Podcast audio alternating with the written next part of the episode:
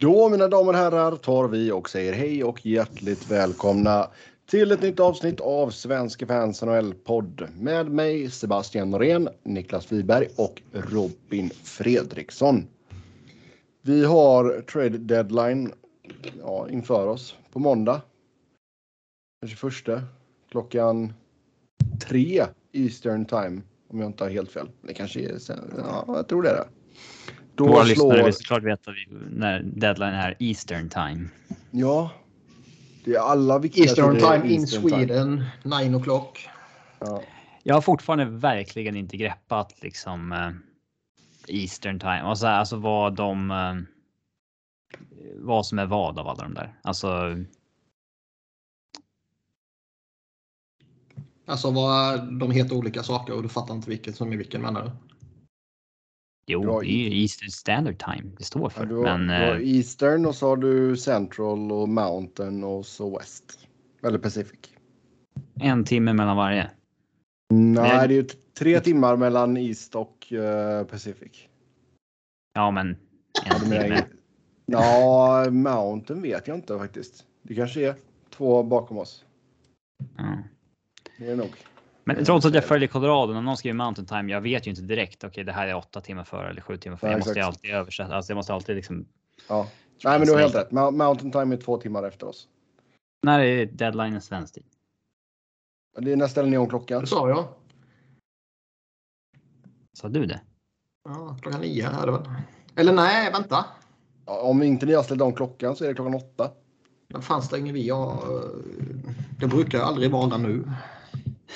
Det är det som är det jobbiga också, att vi ställer om klockan på olika. Så det finns ju ingen sån regel att det alltid är sex timmar mellan det och det. Man måste Nej, tänka men nu har vi ju fått ja. ett lagförslag här om att vi inte ska ställa om klockan längre. Ja, klubbas för 20 år. verkar vi ställa om klockan. Ja, då är det 20 då ja. Ja, då är det klockan åtta svensk tid på kvällen då helt enkelt. Det hade jag helt glömt bort ju. Du har suttit där kvart i nio och bara, varför händer ingenting? Kom igen nu, får vi pilla in lite grejer på slutet. Bara, Exakt.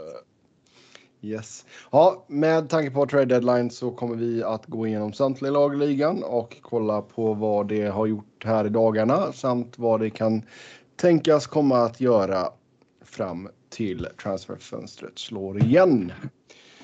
Bokstavsordningen som gäller, så först ut så har vi då Anaheim Ducks. Och eh, där har man redan skickat Josh Manson till Colorado man eh, retainar eller behöll 50% av hans cap hit. Och i utbyte så fick man Drew Hellison och ett andra rundsval 2023. Sen ska man även jobba med, på en förlängning med Hampus Lindholm. Men om vi tar traden där då från Anaheims håll. Eh, Robin, vad kan du om Drew Hellison? Ja, att han typ är nästa Josh Manson. Högerfattad eh, tvåvägsback med lite fokus på defensiven och lite så elak att spela mot. Typ. Okay.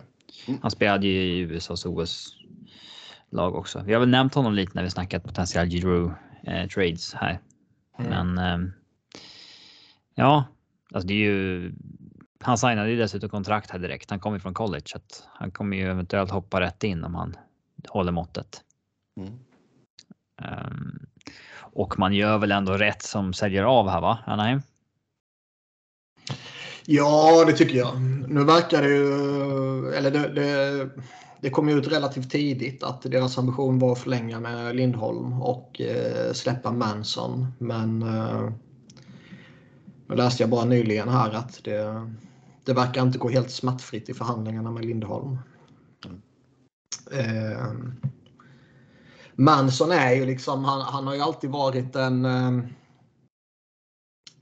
en, eh, liksom en back med väldigt fina underliggande siffror. Sen har väl det svajat lite sista säsongen eller två säsongerna. Men det är ju ändå en, en fysiskt spelande 30-åring som har haft lite skadeproblem och de är ju alltid lite lite svåra att förhålla sig till när man ska signa långt.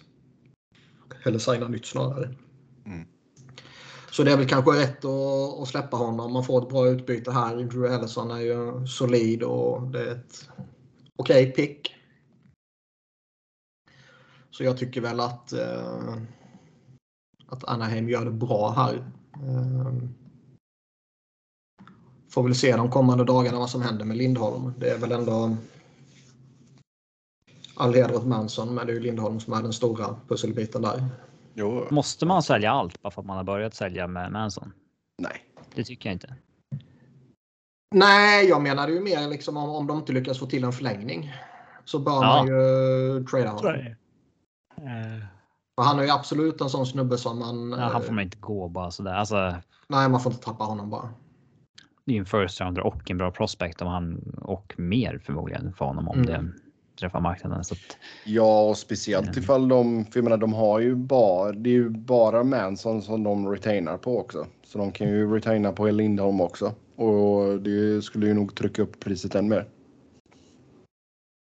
Ja, helt klart.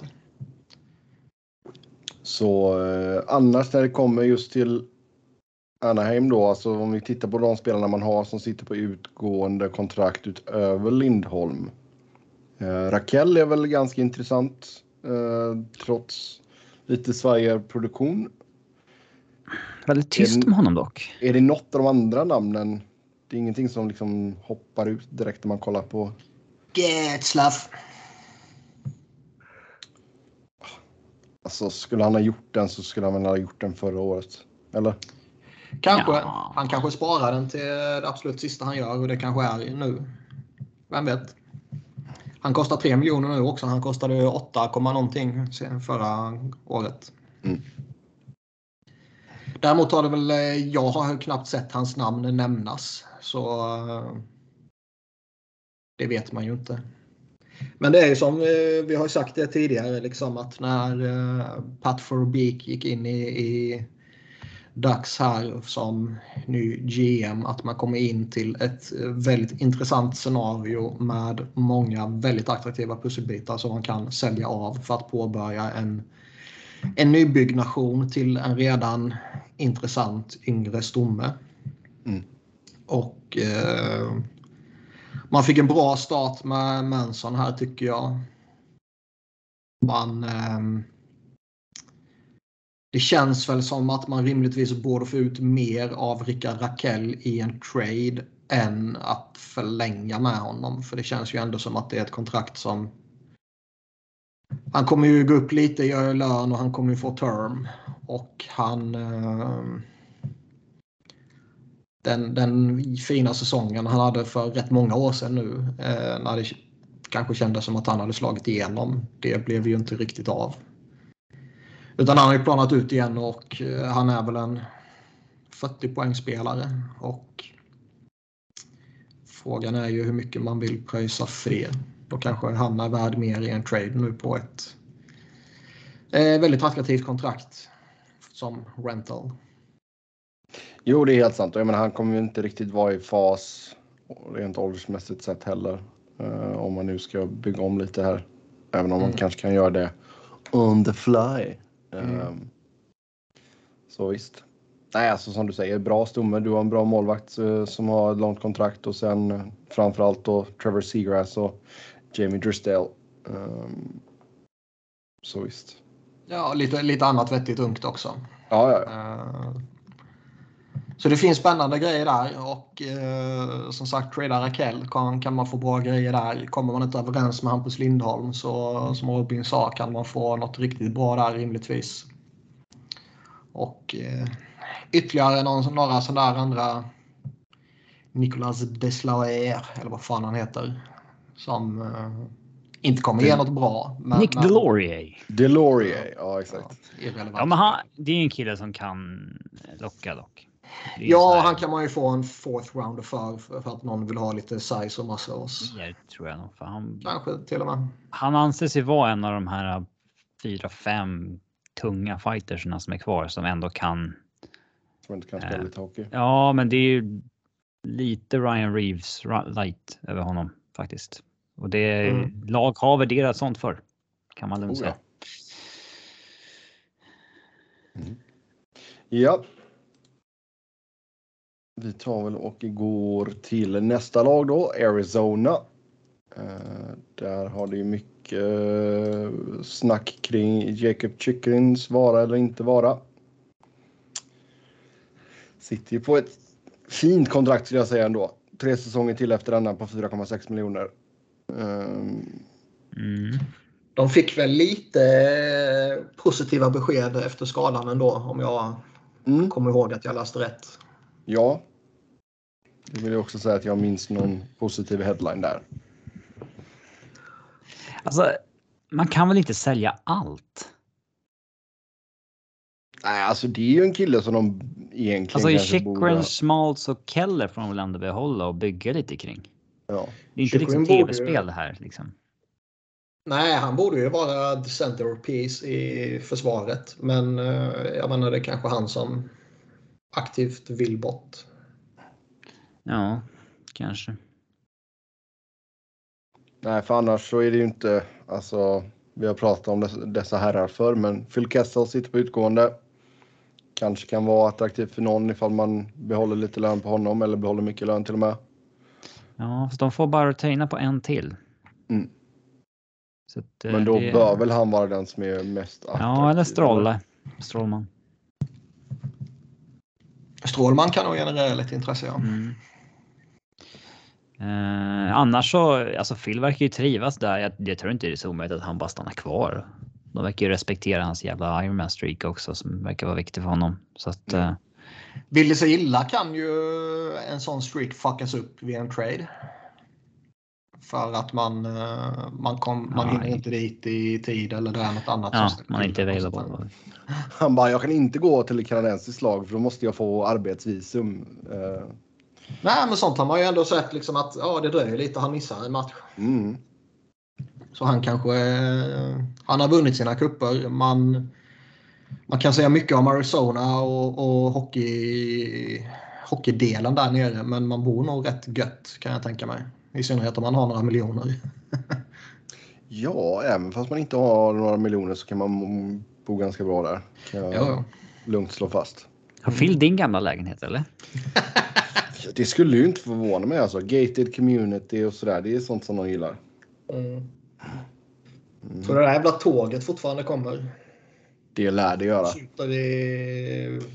det lär det Det var ju när jag bodde, det var ju när jag bodde i Tempe. Det var inte lika illa när jag bodde i, uh, ute på västra sidan. Fan, du har haft... Eh, jag har flyttat en gång under poddens historia, tio år. Niklas har ju flyttat, men in, bara inom Växjö. Mm. Ja. Du har väl haft åtta, nio olika... Ja du, vad kan det vara här Place nu? of residence. När vi började, vart var jag då? Var, då var jag i Phoenix. Då var vi i Tempe-lägenheten. Och sen blev det upp till Kalifornien, sen tillbaka till Phoenix och sen Phoenix till Bakersfield. Och där var vi i två olika lägenheter. Och sen efter det så var vi i lägenheten här i Cincinnati och sen i huset. Så det, ja, det är en handfull. Mm. Jävlar vad du har horat runt. Mm. Uh, ja. Annars... Nej men Shukrin, alltså det, det, är ju en snubbe som... Uh, alltså jag skulle gärna gå efter honom. Ja, det är, det nog många lag som gärna skulle vilja ha en sån kille som är, dessutom har term. Ja. Jag menar, sen, är, ju... är det väl, eh, jag, jag menar, tittar man nu eh, så är det ju term som kommer tilltala några och det är några som absolut inte kan ta på sig term nu. Eh, så jag tycker ändå det, det är ju en liten avvägning han måste göra här, Bill Armstrong, om han tror att han får bäst erbjudande nu när folk är kanske lite desperata inför, inför ett slutspel eller om eh, man kommer få det till, till sommaren när det rimligtvis kommer upp sig fler möjligheter. Men bara mm. för att det mer möjligheter så behöver inte det betyda att priset är bättre. Nej. Nej, det har ju gått en del surr om att LA ska vara sugna där och det, det hade jag ju jättegärna sett. För som sagt, du, Du har två kontrakt som går ut på Edler och Olli Mäte. Eh, och ingen av dem lär väl få förlängt. Um, så det har varit, jag tror han kan vara en jättebra tvåa i många lag. Faktiskt. Ja, jag håller med. Alltså skicka uh, Bovrov åt helvete och ta in honom istället. Sätta honom mot Ryan Ellis så kan väl det vara intressant kanske. Uh, Provorov och Ghost uh, Reunion i Arizona. Ja, de var ju bra utav helvete tillsammans. Typ 17-18 blir det väl. Men äh, det, det, jag, jag, tror inte det. Nej. Annars, spelare som sitter på utgående kontrakt i Arizona, är det någon som ni ser kan ha något intresse? Nej, Riley Nash var ju lite sådär intressant tidigare när, när han var typ den, eh, den perfekta fjärde centern på många sätt så tillvida att liksom. Fattar att han gjorde 30 baljer för några säsonger sedan. Mm. Nej. Nej, jag menar. Jag läste fel rad. Jag, jag tänkte på Lou Eriksson. men men uh, Riley Nash, han, han var ju sån där liksom. Det hände inte ett skit framåt när han var på isen, men det hände inte ett skit bakåt heller. Det har väl, uh, det har väl dippat ner sig lite, men ja, han kanske kan vara en sån där som någon jävel slänger upp ett sent pick för, kanske. Ja, kanske. Ja, han har egentligen, fått göra, han har egentligen fått göra några poäng i år i alla fall. Mm. Fyra stycken assist efter att ha gått poänglös 15 matcher först för Winnipeg, 10 matcher sen för Tampa. Och sen nu fyra assist på 22 för Arizona. Annars har de inte mycket intressant eh, utöver det vi redan har nämnt. Om man tänker utgående kontrakt. Jag tror liksom inte Clayton Keller tror jag inte det är någon som kommer plocka på sig. Nej, och är han, är han verkligen så intressant med den capiten? Nej. Ghost tror jag kan vara intressant om ett år, men inte nu. För det jag tycker fortfarande, visst alltså Arizona är inte bra, men Keller har gjort det jätte, jättebra. Det får man ju verkligen ge honom. Uh, point per game här. Men uh, jag kan ju fortfarande inte säga att jag är helt såld på honom. Fast 7,1 är ju inte så jävla mycket längre. Det är ju fan secondary scoring money snarare än... Mm. Är han den eller kanske den är väl lite tufft att säga, men är han en av de mest anonyma point per game-spelarna i ligan? Mm. Ja, det kan han Jag kan ärligt säga att jag hade ingen aning om det förrän du sa det.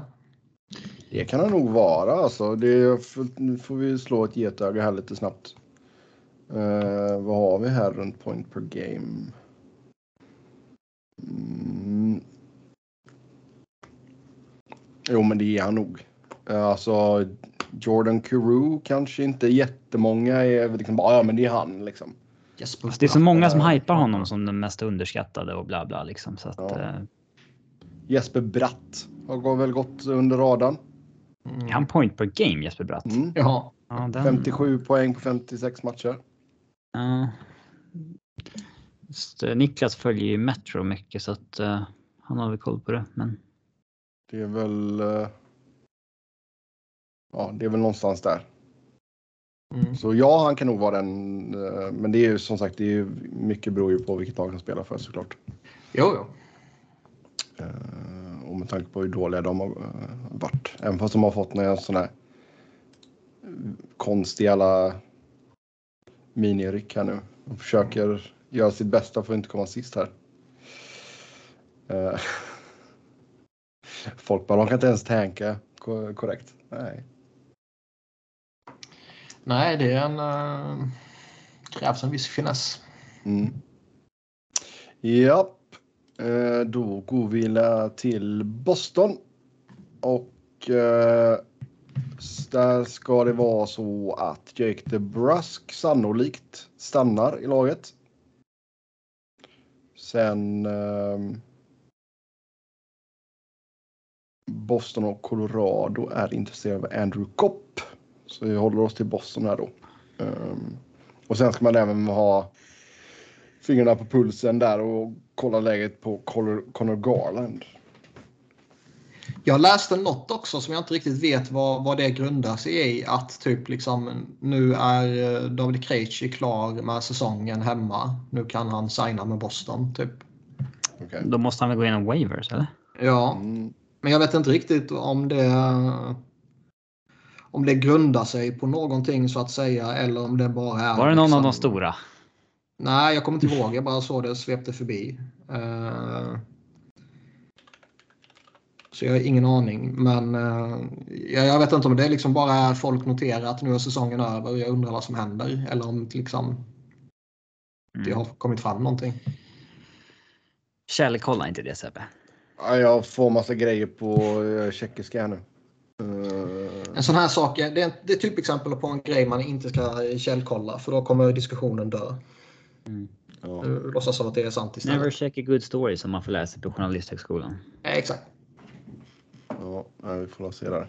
Um, ja, det är säsongen slut i alla fall.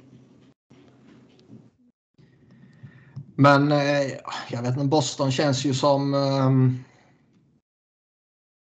jag tror fortfarande de kan ställa till med djävulskap i ett slutspel. Um, framförallt så är det ju ett sånt där lag som vi pratade ju förra veckan var det nog typ liksom att tänk att vinna President's Trophy och stöta på Vegas i första omgången. Liksom. Där kan man gå på en mina rätt, rätt kraftfullt. Liksom. Boston skulle ju kunna vara någon, någon Eastern-variant av det. Oh ja. Ehm, däremot är man kanske inte såld på att de riktigt har allt för att gå hela vägen. De skulle nog behöva boosta upp lite i så fall. Ja, det är väl inte så jävla märkligt om man gör. Det är lite så här. Ja, lite sista natten. Det sista rycket med gänget. Ehm. Mm. Ja, nej, han har väl inte. Han fick väl någon fråga. Krejci, han sa varken bu eller bä. Mm. Jag är så åt dig att inte kolla. Ja, men det var någon story uppe här på NESN och det är väl New England Sports Network tror jag.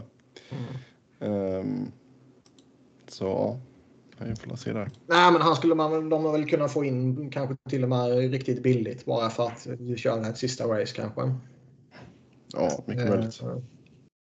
Och det känns ju lite som att kommer han tillbaka och sen gör han det klart att det är bara Boston jag kommer spela för. Om det är någon som plockar upp mig så åker jag hem till Tjeckien igen. Liksom. Så... Mm. Då kockblockar man ju och plockar upp honom. Om man är Ja, jag skulle gjort det, men det kommer ju inte ske. Du plockar upp honom för att sedan trada honom till Boston. ja. mm. Riktig sån där draft day-scen. Ja, ja visst. I want all my picks back. And I want uh, David Putney. Va? Uh, en lyssnarfråga här. Hur ser ett paket ut för Boston? Vi behöver en bra back och Debust, alltså Debusk, Debust, haha. Vill ju lämna även om han har varit okej okay på senaste tiden. Är Giordano ett alternativ eller ska man gå efter Lindholm? Nu släppte de en insider trading här med lite Avs Panthers on Euro och så vidare. Någon får ansvar att gå ur och lyssna på det. Det kommer snart, eh, sägs det något relevant där så kommer det snart eh, transkriberas ut i flödet. Ja. Men alltså. Eh, vi har ju pratat lite om, eh, när fan var det? Jo, det var ju när Erik var med pratade vi Boston lite och lite försvar vad de skulle göra och eh, det skulle ju behöva petas in en, eh, en vänsterback kan jag tycka. Om det är back man går efter. Man har liksom McAvoy som är gjuten till höger och man har Brandon Carlo som är solid till höger också. Så boosta upp vänstersidan skulle nog finnas eh, ett litet behov av. Men det är ju lite ränta. Alltså det är, det är svårt att gå för Lindholm och, och Alltså om jag var Lindholm så hade inte jag signat i Boston long term. Mm. Så som det ser ut för deras mörka framtid. Nej, och är jag Boston så man kanske inte går efter en sån stor profilerad rental heller utan att veta att man skulle kunna förlänga med honom i så fall. Mm. De har ju ganska många kontrakt på backsidan också över nästa säsong. Absolut. Men de kanske, alltså Boston skulle ju rimligtvis kunna vara ett lag som uh, kanske går hårt efter Chychrun. Och kanske kan, kan de skaka loss något av de lite längre backkontrakten också så har man en, en solid snubbe på vänstersidan. Mm. Så det, men uh, ska man göra det behöver man nog offra både Pix och Prospects och de har ju inte överdrivet många sådana här jätteattraktiva prospects direkt. Utan det är Fabian Lysell och beroende på hur, hur högt man håller honom så är han kanske okej okay eller inte intressant alls. John Beecher är det ju några år sedan han plockades upp nu. Jag har inte riktigt koll på hur hans anseende är numera. Han gör ju inga supersiffror i collegehockeyn i alla fall. Mm. Men... Uh, mm. Skulle väl inte förvåna om Boston gör någon sån där liten uh, mindre grej, typ. Tillbaka med Chara. Ah, om Chara flyttar så är det väl kanske till en snäppet upp från Boston så att säga. Och man, det, det skulle kännas lite awkward att ta tillbaka honom. Lite. Mm. Det var ju ändå lite... Skilsmässan där verkar ju inte ha varit helt friktionsfri. Nej, alltså det inte var... så att de blev fiender tror jag inte, men, men liksom direkt att de, de, de verkar inte vara överens om vad han kunde göra till exempel. Nej, exakt. Nej, Nej det var ju mycket snack inför säsongen att ja, men vi löste det som grupp och bla bla bla och nu kommer andra spelare få chansen att kliva fram och, mm. och så vidare. Men ja. Så är det med det i Boston i alla fall. Buffalo. Där ska Rangers tydligen vara intresserade av Victor Olofsson. Är det en av spelarna som Buffalo borde sälja av? Pending RFA. Vi pratade om honom för typ två veckor sedan va? Och jag kommer fan mm. inte ihåg ett ord av vad vi sa då. Så nu kanske man säger emot sig själv. Vad sa vi? sa väl att han kanske kan bli ganska dyr på ett nytt kontrakt. Även fast han är RFA. Han har arbitration uh, rights har jag för mig. Uh, ja, det har han. Um, har ju inte riktigt levt upp till vad han visade under sin första fulla säsong. Då han gjorde 20 mål på 54 matcher. Nej. Men eh, visst, kommer han in i en bättre omgivning och får bra leverans så har han visst att han kan vara en effektiv målskytt. Samtidigt så behöver Buffalo eh, behålla några vettiga spelare. Även om de har några yngre på uppgång nu så känns det ju fortfarande som att han skulle kunna bidra där. Jag kommer inte ihåg alltså, vad han tycker... sa när vi pratade om honom senast. Men, men jag, jag, tycker väl man kan se argument både för att behålla honom och för att släppa honom egentligen. Mm. Och det beror väl kanske på lite vad det finns för marknad för honom och vad man får för um, eh, vad heter det? Erbjudande. Ja. Alltså jag tycker alltså forwardsidan hos Buffalo, alltså, den, den är ju inte klappkass. Nej, det är den väl inte. Den är inte bra heller i och för sig. Nej, men jag tycker den är ju inte på pappret är den ju inte liksom bland de tre sämsta i ligan. Nej, jag vet inte. Den kanske inte. Men jag menar, de har ju lite intressanta prospects på gång här och snart kommer Owen Power in här i april verkar det som ju. Så ska det bli jävligt spännande att följa. Mm. Eh, Buffalo annars killar som sitter på utgående kontrakt. Då har vi Cody Eakin och Vinny Hinestrosa. På forwardsidan som kanske kan vara eh, intressant för någon. Ja, jag, jag har ingenting att säga om någon av dem. Robert Hägg tror jag väl säkert någon, eh, någon jävel kan gå efter på, på, eller, ja, på grund av, tack vare hur man nu ser på det, hans, eh, hans låtsasfysik. Jag kände ja. typ så här, Cody Eakin, spelar han fortfarande? När du sa mm. det namnet. typ. Han har gjort 55 matcher i år tydligen för Buffalo. Mm. Tänkte ni på det idag när eh, Andrei Sekera hamnade på waivers? Nej, det har jag missat. Tänkte jag. Jag bara, vad? Spelar han fortfarande? Tänkte jag. eh, ja, han har gjort 24 matcher i år. Till. Det var någon, någonstans läste jag eller hörde lite om Craig Anderson att något lag kanske kan titta på honom för att typ ta in tredje målvakt. Men att Sabres kanske värdesätter att behålla honom nu när Owen Power kommer in och låta han grooma honom. Och han kan väl säkert vara, vara nyttig ur den aspekten och eh, med tanke på vilken skitorganisation Buffalo har varit de senaste åren så kanske det är värt mer för dem att behålla honom några månader till än att få en, ett väldigt sent draftval för honom. Ja. Yes. Han hjälper dem ju dessutom när de ska försöka tanka. Ja. Yes, yes, yes. Sen uh, Calgary. Där uh, tradar man ju till sig Kalle Järnkrok. Och uh, fick honom på 50 procent. Till Seattle skickade man ett andra rundsval 2022, tredje rundsval 2023 och sjunde rundsval 2024. Man blev inte jättenöjd när man såg den här traden som Colorado-supporter och liksom kände att åh, är det här marknaden sätter priserna? Att det är liksom second, third och sjunde för en bottom 6-spelare. Det... Ja, ska man gå efter, alltså typ Rental är ju en stor uppgradering jämfört med järnkrok. Och då bör man ju rimligtvis betala mycket för honom. Ja. Sen tycker jag Kalle Järnkrok är en, en, eh, alltså det är en... Han är ingen fjärde liner, det är att undersälja honom. Liksom. Mm. Mm. Men, eh, och det finns väl kanske en ambition om att förlänga oss där med honom. Men på pappret är det en rental nu. Mm.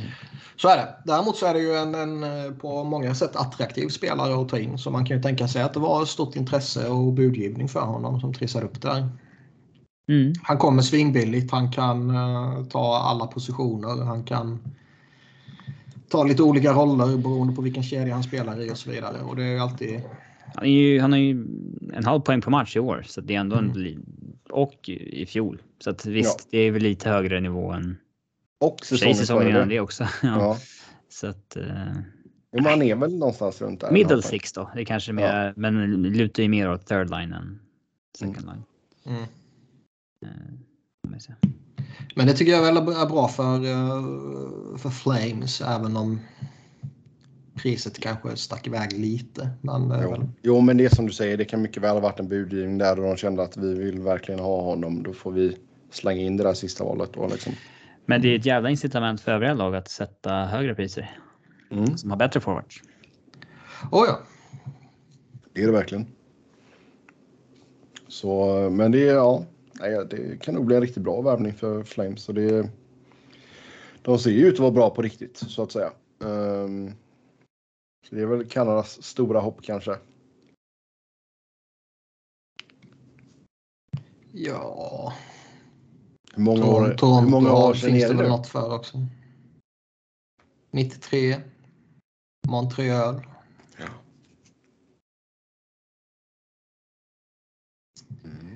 Men eh, jag, jag, jag, tycker de, de, de ser solida ut givetvis. Jag tycker fortfarande det borde finnas en, eh, en strävan att eh, bättra på försvaret lite. Men eh, de har väl i princip inget utrymme så då är det väl pengar ut, pengar in i så fall. Ja, alltså 600 000 har de sig att röra med. Mm, det kommer man inte jättelångt på. Nej. Så då är det Men... ju... Visst kan du, kan du få någon och... Jag vet inte vem, alltså vem skulle ni se att man skulle offra, eller offra, men liksom vem hade ni velat se en uppgradering på i så fall? Tanev? Nej, i så fall är det väl kanske en uh, Sadorov Goodbranson som jag skulle försöka skaka loss och försöka uppgradera något där. Daryl Sutter, jag tror inte han älskar de två. Jo, men han kan väl älska någon annan också. Älska med någon annan. ja. Yes. Ja, vi får se ifall det händer något mer där, men det är som Niklas säger, ska någonting mer ske då är det pengar in, pengar ut som gäller. Carolina. Eller är det tomt i körschemat? Ja. De har drygt en Vi är vana vid att de är aktiva dock. Mm. Det är ju folk som har uh, nämnt Keynes typ som uh, ett eventuellt alternativ för Euro. Men jag vet inte riktigt vad det grundar sig i. Om det är typ bara är folk som tycker att äh, men de, det borde väl han passa in i. Typ. Men det är ju väldigt eh, sporadiskt typ de kommer upp där. Annars kan jag inte komma ihåg att man har sett deras namn i någon, något rykte eller något sånt där. Eh, för det, det, är ju ändå, ändå pratar eh, Sportsnet eller TSN eller någon annan om eh, någon gubbe så kan de ju slänga ur sig sju lag som är intresserade och jag kan fan inte minnas att man har uh, hört Hurricanes namn vid något tillfälle. Emil vet säkert massa rykten vi har missat nu. Så. Ja, exakt. Ja, då får han skylla sig själv för att han inte skickade in lyssnarfrågan. Men eh, det, Keynes kan givetvis eh, fortsätta med vad de har gjort och eh, kommer vara väldigt starka på det sättet såklart. Eh, svårt att säga något sådär uppenbart som de skulle behöva göra tycker jag. Mm. Ja, söka på Carolina Trade på Twitter, då får man bara upp massa jävla NFL-grejer. Mm. Jag har börjat mjuta alla så här ord som har med typ så här Dodgers och sånt där. Namn på andra sportlag inom eh, okay. amerikanska sporter. Mm. Men även Twitter mår bättre än här. Rockies, New Nuggets och eh, eh, ja, vad är det tredje laget heter? Broncos. Mm. Det är inte så många som snackar om Rapids, MLS-laget. Nej. ja. Men, Hopp. Vi lämnar väl Carolina där då helt enkelt. Det känns ju som att det, de, de, det finns väl ändå en, en viss sannolikhet för att de kommer göra något sneaky smart. Typ. Mycket möjligt. Ja, eller de brukar alltid göra någonting. Mm. Något jävla djup någonstans kan de mycket väl plocka in. Ja. Sen då Chicago och eh, prislappen på eh, Marc-André Fleury sägs vara en eh, första rundare plus eh, mid-round pick. Beroende på om man tar ett dåligt kontrakt tillbaka. Vi har ju pratat om det tidigare, men det är lite svårbegripligt att se den eventuella hypen kring honom. Ja. Alltså hur oftast försöker bara tänka tillbaka rent spontant. Vad, när, brukar vi ha liksom sådana högt profilerade målvakter går vid deadline? Det är sällan någon säljer en högt profilerad målvakt. Mm. Men visst, vi hade ju alltså Ryan Miller är väl den senaste stora. När han gick till St. Louis inför slutspelet. Mm. Um, men sen så har ju Ben Bishop uh, gick ju som liksom tvåa till Kings. Mm i utbyte mot Erik Sernak. Mm, jävla skit-trade. Ja. Fortfarande bitter. Ja. ja, han hade varit användbar. Oh, Men... Ja. Eh... hade man aldrig haft Olle Mäte. Men ja, ja alltså det, skulle Fleury sitta på någon sån här superfantastisk kontrakt på en miljon eller sånt där. Då skulle man väl kunna tänka sig att det skulle finnas något intresse för honom och lagen kanske till och med skulle vara redo att betala mycket för honom. Men nu på 7 miljoner och även om de retainar hälften så 3,5 jävligt mycket för en ett osäkert kort som han ju är i denna säsongen. Mm. För det har man, alla, alla målvakter är osäkra kort. Fan. Det... Jo, så är det ju. Men det finns ju mindre osäkra kort givetvis. Ja. Ser ni några andra spelare som kan komma att lämna Chicago? Det var ju snack om den här eh, Brandon Hagel. Ja, just det. Han är ju signad billigt också. Signad mm. billigt två år till och har väl ändå producerat uh, vettigt. Uh, jag, jag har inte någon riktig bild för mig själv om honom. Liksom. Sett honom alldeles för lite och inte noterat honom sådär i största allmänhet. Men uh, produktionen i kombination med att han är signad billigt två år kan ju mycket väl göra att ett lag som typ Colorado som vi har pratat om tidigare, de kanske vill ha billiga kontrakt med ett eller två år på. Ja. Men samtidigt har jag för mig det var snack om att det var ett väldigt stort pris på honom, vilket ju också känns lite udda. Ja, just det. Det är det väl. Alltså, det är en... Alltså, det är ju lite... Uh, ja, Blake Coleman, Barkley Goodrow nivå på de där liksom. Det, de kostade ju mer än vad man trodde när de gick också. Mm. Han faller väl lite i samma kategori. Annars, vad har vi för spelare som sitter på utgående? Calvin DeHaan är ju ett namn som har slängts upp sådär som typ... Eh, kanske att något lag kanske kommer gå efter. Chicago bör väl rimligtvis försöka skaka loss honom. Men mm. eh, om det finns något seriöst intresse för honom eller inte, det är väl en annan fråga. Det är svårt att säga. Mm.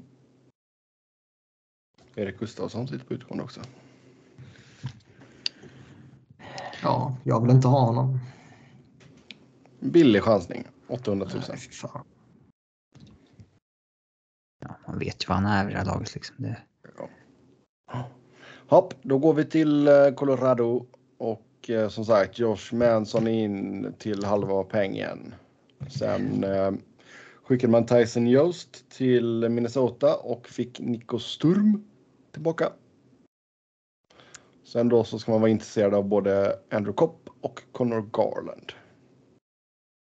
Garland är nog väldigt löst. Det vet jag inte hur Niklas har läst men. Eh, Sluta hata på mig. Eh, alltså det kostar ju att göra såna här pushes liksom. Det, det gör det. Um, minns ju när Columbus liksom. Det, bara att addera Adam McQuaid som typ sexa för några år sedan. Det var ju så här mm. tredje rundare och femte och så här. Något så här alltså, det, det kostar ju verkligen. Och Josh Manson, ja, second round. Han är ju inte den Josh Manson han var för två år sedan. Då hade, ju, då hade det ju kostat första, andra och en prospect eller någonting. Ehm, då var han ju riktigt hypad eh, fortfarande. Men han har väl tappat lite grann. Eh, dock tror jag att det är en sån här kille som kan bansa tillbaka ganska rejält om man får en bättre partner igen och spela med eh, lite liksom längre ner i hierarkin som man säger. Ja, vad, alltså, vad har de sagt? Är det andra paret han kliver in i eller? det verkar väl som att tanken är att han ska spela med Sam Gerard när, de, när han är tillbaks. Men han är ju borta. Han är ju borta i fyra veckor. Okay. Så han spelat med Ryan. Han spelade med Ryan Murray första matchen här mot, eh, mot Kings. Mm. Eh, och det, på pappret, Ryan Murray och Josh Manson som andra backpar, det hade ju för fyra år sedan låtit fantastiskt. Oh. Eh, men Ja, eh, det, det, är väl ingen trade jag säger emot. Jag vill ju ha en back i och med att eh, Bowen Byron är borta. Mm. Och sen eh, eh, ja, nu är ju Sam Gerard borta och man, man, kan liksom inte riskera att Curtis McDermott ska spela en match som back i slutspelet. Um... Hur har eh, Jack Johnson sett ut förresten? Statistiskt är han fortfarande skitdålig, men eh, man ser inte riktigt det när han, alltså han är inte bra, han är, han är inte bra, han har ju betong i skridskorna liksom. Han är inte snabbfotad liksom. Eh, men förvånansvärt okej. Okay. Jag tycker väl fortfarande att han får lira lite väl mycket. Han spelar ju ofta 17-18 minuter. Och så här Sam Gerard så här 21-22. Där borde man ju kunna. Ja. Eh, Ryan Murray spelar ju typ 12-13. Nu har inte Ryan Murray varit någon stjärna alls i Colorado. Han har ju varit en besvikelse, men det finns ju ändå en bättre spelare där än Jack Johnson i grunden så att. Um, jo, men, men ja. alltså, där undrar man ju också alltså alla de skadorna som Murray har haft. Alltså, det, det är ju inte konstigt om det har tagit ut sin rätt lite också. Ja, han är väl en ålder nu när man börjar eh, tappa. Mm. men eh, alltså om man har en frisk backsida. Mm. Det var en Taves, Kill McCarr, Sam Gerard, George Manson, tredje backpar med um, Bowen Byram, mm. Eric Johnson, liksom Ryan Murray och Jack Johnson i sjunde och åttonde. Jag kan inte minnas en backsida som har varit bättre under lönetagseran. Jag skrev det till mm. Niklas häromdagen och nämnde väl liksom Chicago kanske något av deras bästa år. Men det var ju med att de hade en så jävla bra topp fyra och samma sak med. Eh, samma sak med. Eh, Flyers. Nej, men samma sak med. Jo, i 10. Pronger, Timonen, Carl, Coburn. Otroligt topp fyra egentligen. Och sen så eh, skit, brutal skit i tredje paret. Ja, ett bättre exempel var kanske Nashville Predators. Som är... Ja, just det. Ja. Eh, men ja, där. Eh, ja, backsidan är ju brutalt bra. Mm. Men man är ju nyfiken på vad de gör med. Eh, för att om det är så att om vi leker med tanken att Giroud han hamnar i Florida. Okej. Okay. Vad, vad, vad gör man då? Kopp eller Garland? Jo, det finns ju en del som tror att man liksom kan försöka hitta någon uh, off the radar trade. Alltså typ uh, Nick Ehlers, Winnipeg, Patrik Laine, Columbus. Uh, alltså något som inte har surrats om. The Brink at Chicago. Jag vet inte, liksom mm. Något sånt. Um, annars så lutar väl jag lite mer åt att om inte den där superstjärnan finns typ JT Miller är inte tillgänglig. Eh, de väljer behålla honom. Nu resignade ju Thomas Hurtle så han är borta. Mm. Eh, Tomas. Ska man kanske inte gå Tampa-vägen då där man kör någon form av ny Barkley Goodrow och Blake Holman lösning? Att man försöker byta till sig två middle six spelare istället för att den här en, en superstjärna. Ja. Typ eh, Andrew Kopp plus Brandon Hagel. Eller Andrew Kopp plus Paul Stastny. Mm. Något mm, de ska, skakade ju loss lite utrymme där när de flyttade på Joost. Ja, bytte Tyson Jones mot Nico Sturm och statistiskt är de väldigt, väldigt lika. Eh, förutom att Tyson Jost är signat på 1,3 och Nico Sturm har ju minimumkontrakt på 725. Eh, så det lockar ju Avs. Och sen så var ju Jost. Han hade väl kunnat spela en fjärde kedja hur länge som helst, men när man gick, när man går så högt i draften och det inte funkar och det blir en fjärde. Det, det känns som man nästan måste ge en chans i någon ny organisation då innan man ger upp helt och bara accepterar att man är en fourth liner. Ja. Um, han, enligt Elliot Freeman så hade ju Jost bett om en trade redan för två år sedan, men att Avs verkligen ville att det skulle lösa sig för honom i Colorado. Um, nu, nu blev det inte så, men jag tror Avs är ganska nöjda över att bli av med hans två mil över nästa år också. Jo, exakt. De har inte råd att ha en två miljoner spelare i fjärde linen hur länge som helst. Det, det är för, för mycket pengar. Ja, och speciellt då om du ska ersätta kanske både Kadri och Burakovsky och Niturskin. Mm. Så absolut. Då kommer det krävas utrymme. Eh, ja. Alltså, det, ja, det Brinkat, alltså den hade kunnat, då hade det kunnat bli åka av tror jag. Någonting kommer ju ske. Nu har inte Avs, Avs har inte sitt första i år, inte sitt andra. Man har heller inte sitt andra nästa år för man bytte det mot Josh Manson nu. Mm. Men man verkar vara villig att byta bort nästa års första också. Eh, och det ska ju vara det är lite så här extra hypa draft som extra djup och så vidare. Eh, jo, men det kom, alltså slår planerna ut så är ju det ett väldigt sent första ändå. Ja, uh, men man har ju inte sitt andra heller. Man, man, måste ju fortsätta drafta eh, i viss mån. Liksom. Ja. Um, men ja, eh, så det är, väl, det är väl det som är den stora trade-chippen. Friedman säger att det här liksom att Byram eller Newhook, det kommer man inte göra. Nej, nej, nej det kan jag köpa. Max Domi nämndes ju också häromdagen förresten. Som okay. en av de som, eh, jag vet inte vad som skrev det. Jag kan kolla upp det här eller ska säga bara att det var en av de stora. Jag vet inte, det var... Du, du, du, du, du. Mm, Jeff Merrick som okay. sa det. Att Washington, det... Boston och Colorado gillar Max Domi. Men jag, sådär, jag, tycker, jag tror inte att det är något konstigt att Avs kollar läget med liksom varenda spelare som är på marknaden. Dels för att. Eh, ja, alltså, för att man är öppen för alla möjliga lösningar liksom. Och mm. också för att få bra sens över liksom, marknaden. Vad kostar oh, spelarna? Att man inte liksom låser in sig på ett alternativ. Eh, mm. Ja. ja, vi går väl till just Columbus då. Uh, och, uh, ja. Jag har zonat ut lite för det är closure-ceremoni. Och... Uh, Snark. Jag... Uh, Kör ni ett byte och sen åker? jag, jag vet inte exakt vad ni har sagt. Men...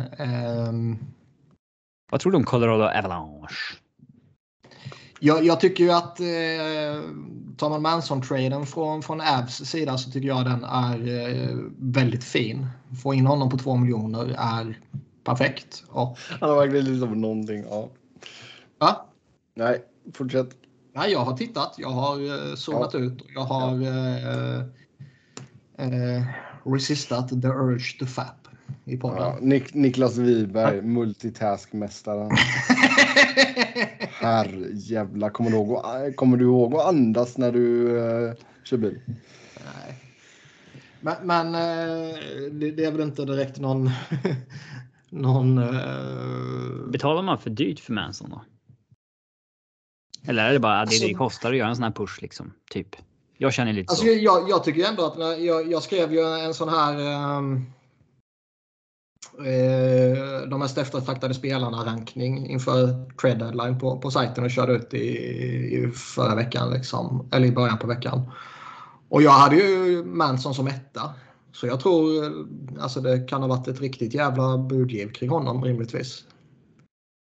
Jag tycker det, är, även om han, han kommer med lite, lite skadeproblem här precis nyligen så är det ju en eh, Alltså det är en perfekt back att få in för ett vad som rimligtvis är ett långt slutspel.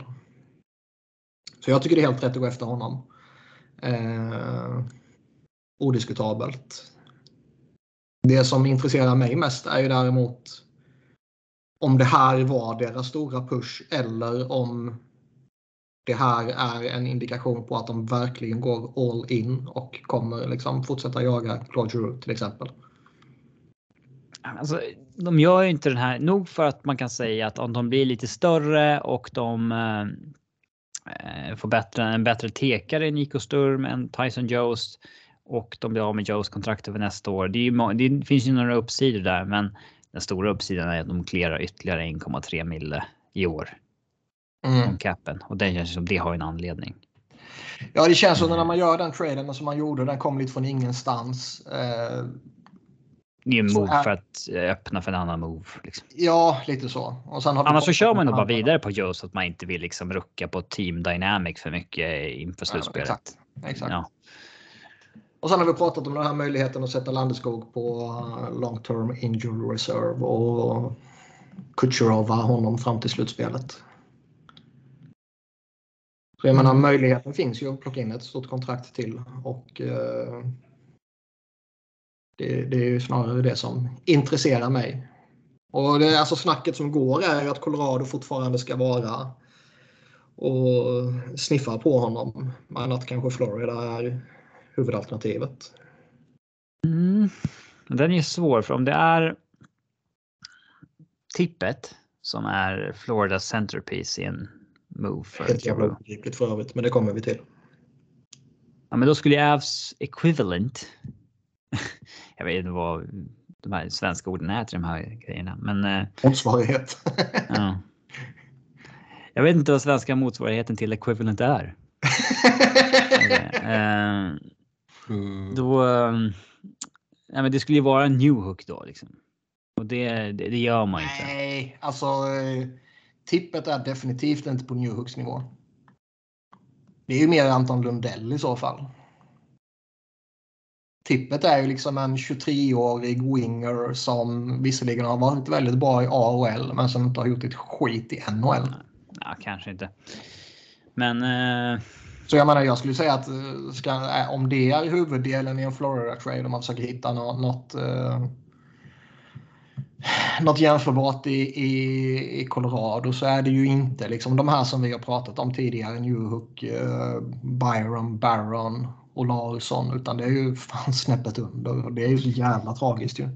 Men har det sagts någonting mer om Euro förutom att Friedman sa i sin podd att just nu så får jag lite vibbar av att det kan vara så att Euro eventuellt föredrar Florida med pyttelite marginal om han får välja. Eventuellt, typ.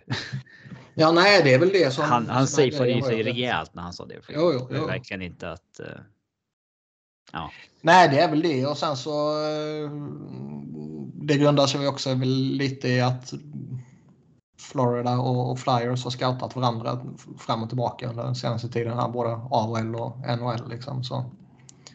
Ja, det är väl ingen hemlighet att bägge är intresserade, men eh, Nej. att, jag vet inte vad... Eh, alltså, Giroud kanske är så här, men jag wavar både till Colorado och Florida om det är så, men mm. visst får jag välja så ja, då blir det väl kanske Florida. Eller alltså. Man vet inte exakt vad. Det, det har inte kommit någon att det är Florida eller inget rapport liksom. Nej. Mm. Men om det inte blir euro, vad fan gör man då? Ja, ehm, det är ju intressant för det är ju lite som, som ni rimligtvis eh, sa, antar jag, att liksom JT Miller verkar inte vara tillgänglig längre. Eh, eller det kommer i alla fall motstridiga rapporter om honom. Och eh, Hertel är borta. Joe Pavelski är borta. Um, plötsligt så är alternativen om man vill gå efter de, de, liksom de största namnen och, och förmodligen de som kan göra mest impact. Plötsligt är de alternativen rätt få. Jag skulle inte utesluta att Avs gör någonting helt... Um... Out of the blue. Nej, alltså den eh, Patrik Line eller något, så här, eh, något som det inte har surrats om så mycket. Um, mm. Eh, det är en, eh, någon med lite term liksom att. Eh, eh, det pratas ju en del om, om kopp och det tror jag väl vore vettigt sådär. Men det är ju två helt olika. Eh, alltså det, det är inte så att eh, okej, okay, vi, vi går efter Euro. Nej, det lyckades inte. Ja, då tar vi kopp och slänger in honom i samma roll och, och bla bla bla. Utan det är två helt olika profiler. Um, Ja, och Winnipeg vill väl egentligen inte ens släppa honom. Alltså de... Eh, Nej, de är väl fortfarande med i jakten också. Ja. Men jag är ju med, alltså. Jag är inte helt eh, osugen på idén att göra, göra om Tampas game med Barkley Goodrow och Blake Holman. Att man får in två middle six forwards istället som verkligen förbättrar djupet. Mm. Eh, om det nu går att göra. Liksom. Men vi får se. Det är i alla fall en garanti att det kommer hända någonting rejält med Colorado. Ja, det borde vara så. Jag, jag tycker ändå att eh, även om man kan argumentera för att det var Manson som var deras stora grej. Man skakar loss en second och, och eh, en, en, bra prospect liksom. Så tycker jag väl ändå att eh, indikationerna är att man inte är klara. Utan man kommer verkligen gå all in. Mm. Och, och det tycker jag man ska inte... göra. Det har vi pratat om tidigare. Får man inte det största man vill ha så kommer man åtminstone förbättra något djup. Alltså man kommer göra någonting. Så mm. är det ju. Mm. Ja, då går vi till Columbus.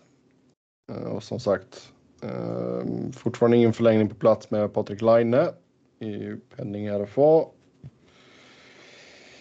Bör väl vara intressant för ganska många lag ifall det skulle vara så att han gör klart att han inte vill. Knäpptyst om honom dock. Mm. Det som har sagts tidigare är väl att han, uh, han kommer ta sitt qualifying offer nu med, med Columbus och sen kommer han så fort det bara går bli UFA och göra vad han vill efter det. Attraktivt att bli UFA men det är inte så att han uh han håller ju på att mynna ut att bli något som är mycket mindre än vad man trodde för några år sedan. Oh ja, oh ja. Den här 44 målsäsongen känns ju som uh, no. anomaliteten. Att det, det, är det som står ut och inte det som man kanske trodde när han gjorde det. Att liksom, oh, nu kommer han bli 40-50 målskytt. Nej, men någonstans runt mellan 30 och 40 bör han väl ha i sig i alla fall. Ja en jäkla skillnad på att vara en 30-40 målskytt som faktiskt har någonting mer än att han bara gör det. Mm. Eh, och där, alltså med all respekt för 30 mål, men det känns en bit bort att han... Men visst, alltså han är i point per game, över point per game nu. Det är inte som under tårtan när han var under en halv poäng per match i Columbus. Nej, nej, nej. Eh, men... Eh, mm, nej, han blir nog kvar. Mm. Vilka tror vi inte kan bli kvar då? Max Domi har vi redan nämnt. Han sitter på utgående. Det är UFA här. 5,3 miljoner. Alltså, ja, de har ju inte jättemycket intressant alltså. Nej, men eh, de börjar ju sälja allt de kan. Liksom. Ja. Så, är ju. Um... Korpisalo är väl en... Uh... Nej, fan, jag måste sluta snacka Korpisalo. Han är ju klappusel. Ja. Alltså det... Ja. Men Dean Kokan ja. är ju en ganska bra djupback. Mm. Ja. ja, nej, de kommer väl sälja av vad de kan. Men uh, utöver uh, Line så är det väl fan inget spännande alltså. Och jag tror inte han är aktuell att sälja av. Nej. Ja, Dallas då. Man skrev ju nytt med Pavelski. Det snackade vi om förra avsnittet. Och sen då så förväntas ju Klingberg bli kvar med tanke på sjukdomen där för eh, Miro Heiskanen. Körtelfeber. Herpes. Körtelfeber. Herpes. Um, alltså Dallas är väl ändå så inte i det läget där de, alltså. Vi pratade om det förra veckan. Liksom. Har man det veteranlaget de har och så börjar man sälja av lite spelare så där, då, eh, då kan man nog tappa rummet. Liksom. Jo, men det, de kan ju inte riktigt gå ut och addera någonting heller nu. Liksom. Det är ju vad det är typ. Ja, det får väl vara det. Deras eh, addition så att säga är kanske att behålla Klingberg om eh, Heiskanen kommer tillbaka under säsongen. Vilket ju kanske inte är helt självklart liksom. Jag vet inte. Nej. Men eh, de, är, de är strax utanför. De har dock eh, ett par matcher eller till och med mer på vissa lag till godo. Så jag menar de, de har ju en, en hyfsad sits ändå liksom. Mm. Hur har det gått för Kurobin i AHL? Ja, han eh, ska ju opereras nu. Det är så illa till och med. Jag kommer inte ihåg vad det var för någonting, men han skulle vara borta typ ett halvår. Mm. Det kom ut häromdagen. Vilket i och för sig borde innebära att var det någonting som de kanske kunde göra så var det ju skaka loss en av sina målvakter om det kunde bli aktuellt. Ja. Med tanke på att de har Kudobin, Holtby och Jake Ottinger. Men det, nu när Kudobin eh, är borta så behåller man väl Holtby till exempel. Får man väl anta. Ja. Men det är klart, ehm. då skakar du väl loss någon miljon där då med injury reserve på honom. Nej, grej, för grejen Eller? var att jag, jag för mig jag läste något om att han... Eh, I och med att han redan var nere i AHL så att säga. Aha, ja, ja, ja. Så kommer man inte kunna utnyttja det. Ja, ja, ja, det har du helt rätt i.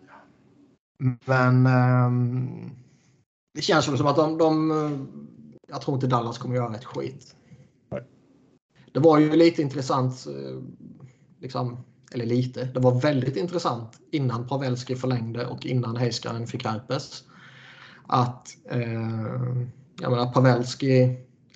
Han skulle ju varit där uppe tillsammans med eh, JT Miller och Giroux och jag, jag tyckte väl i och för sig det hela tiden tydde på att Hertel skulle förlänga men innan han gjorde det så kunde väl han liksom nämnts där uppe också så att säga. Ja. Ehm, men sen när han försvann då, då, ja, då finns det väl inget inget annat att fundera över där. Och eh, sen som sagt Klingberg stannar kvar. Och det är väl rätt nu när man tappar honom. Eh, som vi sa förra veckan så tycker jag väl att man skulle kunna man skulle kunna argumentera internt för att släppa honom och få någon yngre ersättare och, och ändå liksom pusha för ett slutspel tycker jag. Men eh, nu kan man ju definitivt inte göra det. Ja, då går vi till Detroit. Finns det någonting man kan sälja av här som kan vara av intresse? Nick Leddy tror jag är intressant och jag läste eh, för en liten stund sedan att eh, de kommer scratcha honom för att inte riska något. Mm. Och han tror jag ändå, eh, jag, menar, jag tror inte det är jättemånga som är sugna på att plocka upp honom för 5,5 men på hälften där så tror jag det kan finnas en marknad för honom när eh, de här lite mer attraktiva backarna har försvunnit. Då, då Ja, kan- men alltså det skulle kunna vara en helt okej djupback för halva pengen som sagt. Ja, Det, vad blir det då? 2,75 blir det va? Ja, det blir det. Mm. Det är väl inte så helt okej. Ja, nej, men det tycker jag. Och eh, inte för att man kommer få något superutbyte för honom, men man kommer kunna få en, en hygglig prospect och en hyggligt pick eller något sånt där och, fortsätta sin ombyggnation på ett, på ett bra sätt. Ja, för det är ändå så ingen spelare som någon bör förlänga med liksom. Så det är Nej, nej. plocka Sen på så dig så man vet mycket väl- assets du kan. Ja, exakt. Sen vet man väl aldrig hur det är med Mark Stahl, om det finns något intresse eller inte. Eh, Jag kan tänka mig att han kanske, även om han givetvis inte är bra längre så att säga, så kan han kanske ändå vara en tillgång för ett sånt lag för att ta en, eh, någon av de unga lite eh, åt sidan och utbilda hur, Mm. man, hur man anpassar sig till ligan och sånt där. Det, det, det kan väl ändå vara vettigt liksom. Sen så har det ju pratats lite om Tyler Bertuzzi Mm som vi pratade om för några veckor sedan och konstaterade att eh, fan, vill man verkligen ta i den snubben med tanke på att det är ett, ett problem. Men gör han sina poäng så skiter väl lagen i det antar jag. Jag tycker ju att Namestnikov är lite intressant också. Ja, fan, hans rykte är verkligen... Alltså Namestnikov var ju en så här... Han tradades för fan typ straight up mot JT Miller en gång i tiden. Mm, det, det, kanske han typ gjorde. som en, det kändes ju typ som en så här 50-50 trade. Mm. De har gått i olika riktningar sedan dess. Ja, verkligen. Men jag tycker ändå det, det är ändå en, en mångsidig forward som kan vara användbar på lite, i lite olika roller. Sådär, och borde komma billigt. Jag, eh, jag kan väl absolut se något, något bra lag som försöker boosta upp lite djup och ta in honom. Mm. Mm. Ja. Ska väl säga det också att Bertuzzi är ju penning UFA också. Mm. Så visst. Kan väl chansa på honom och så blir det pannkaka av det hela så är det ju bara släppa honom sen kanske. Uh, Ja, ja. Edmonton. Här är det blankt i vårt körschema. Är det inte, alltså jag kan inte komma ihåg att man knappt har sett dem. Då har vi inte Bertuzzi är väl inte penning UFA? Det är han väl? Mm, Nej, nej, han är signad över nästa år också. Ja, det. Mm. Ja. Hopp, fel mig. Mm. Ja. Lämna. Tack och hej. Nu kan du lägga på. Eh... Ja, just det. Han har ett år kvar. Never mind. Ja, just det. Han är jag, koll... att det var... jag kollade. Jag kollade ja, just, det. just det. Men, men alltså eh, Edmonton, eh, det var ju lite snack om dem för några veckor sedan där när de var i sin, sin svacka. Att de eventuellt skulle göra någonting och de behövde eventuellt en målvakt och allt vad det var. Men sen känns det som att det där snacket har dött ut lite. Och jag menar, nu ligger de på en slutspelsplats. Det har väl sin förklaring såklart. Men, eh, och de har väl i princip inget utrymme att göra någonting med. Så det är pengar ut, pengar in. Mm. Men Nej, alltså de tog väl sin chansning med Evander Kane där också. Ja, det var väl så. Känns det som. Jag vet inte riktigt. Jag har ju tidigare sagt att så länge man har McDavid och Dreisaitl så ska man gå för det varje år och då får man. Man kan inte trada sina första och det varje år liksom. Nej, det kan man inte göra tio år i rad givetvis, men man kan gå för saker på olika sätt. Och Eh, men liksom finns, det, finns det en risk för att en eller två av dem är på väg att tröttna och börjar vilja söka sig bort så är det ju ändå att riska lite och bara sitta still i båten. Mm. Ja, det är det väl, men som sagt, alltså deras stora grejer de gjorde i somras var ju Hyman. Och sen tog man en till liksom, chansning med Kane eh, som rent produktionsmässigt ändå har funkat liksom. Mm. Uh, och jag ser inte riktigt vad man ska kunna skaka loss heller för att, för som sagt, de har inte mycket att röra sig med. Ja, nej, nej. För det är, det är inte så att de sitter på as mycket bra trade chips direkt. Nej, de känns ju faktiskt eh, rätt tråkiga inför deadline. Det skulle varit eh, jävligt intressant om Ken Holland hade några miljoner att gå loss på. Mm. Och då skulle ju skiten kunna explodera. det känns det ja. som att inget kommer hända. Nej. Ja, Florida då. Uh, man tradade till sig Ben Chirot från uh, Montreal. Fick honom till halva pengen. Man skickar ett conditional första rundsval 2023, conditional fjärde rundsval 2022 och Ty Smilanik. Varför conditional? För jag hörde att det inte var topp 10 protected. Ja du. Får vi se ifall vi kan uh, få upp det på uh, Cap Friendly. Nej, det var ju något sånt där tror jag att.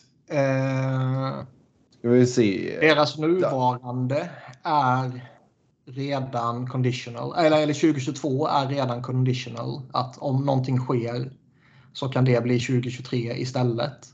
Mm. Eh, men det är typ extremt låg sannolikhet för att det kan ske. Men i och med att det är conditional så måste de ändå liksom förhålla sig till det. Vilket innebär typ att om 2022 skulle bli topp 10 bli topp 10 så... Så har de inte längre sitt 2023-val och då skulle Montreal, ja. få, Montreal få 2024-valet istället. Ja.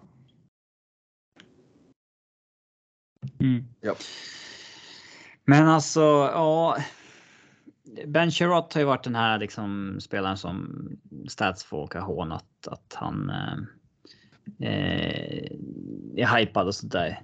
Men han är väl kanske fine att ha ett tredje par som adderar lite fysik och sånt där. Eh, men eh, vilket jävla. Alltså vilket jävla jättebud för att boosta sitt tredje par. För att ha spelat sitt första par är han uppenbarligen inte effektiv i. Det ser vi ju på alla statistiska formler. Liksom. Mm. Eh, men en, en ganska ja, hypad ja. prospect. Ett första och ett fjärde. Ja, nej, det, alltså det här det är ju som när vi pratade om, eh, vem fan var det? Kalle Järnkrok var det va? Att om, om det här sätter marknaden så är det ju jävligt spännande. Ja, men så här, det, är, det är bara för att han har lyckats hypas upp så jävligt i för att han har varit just i Montreal. Han var i Montreal. De lyckades eh, ta sig till final och han eh, spelade där då typ. Ja. Sen är han ju den där typiska eh, som, som Robin var inne på, liksom, lite fysiska backen och bla bla bla. Mm. Um. Mm. Sen, det, mm. det, det, är väl ändå en liten indikation på, på att Florida också är på, på, på väg att göra något. Liksom. Ja, ehm, de skickade ju... De skickade Frank Vatrano för att skaka loss lite pengar också. Mm, tänkte precis säga det. Man Vilket också... Alltså det... När de gjorde den så var det ju en indikation på att okej, okay, nu kommer någonting ske. Och då är ju frågan om Ben Sherrott var det enda eller om det kommer ytterligare saker. För det var som jag sa tidigare, det är ju, de har ju pekats ut som huvudalternativet för Claude Giroux.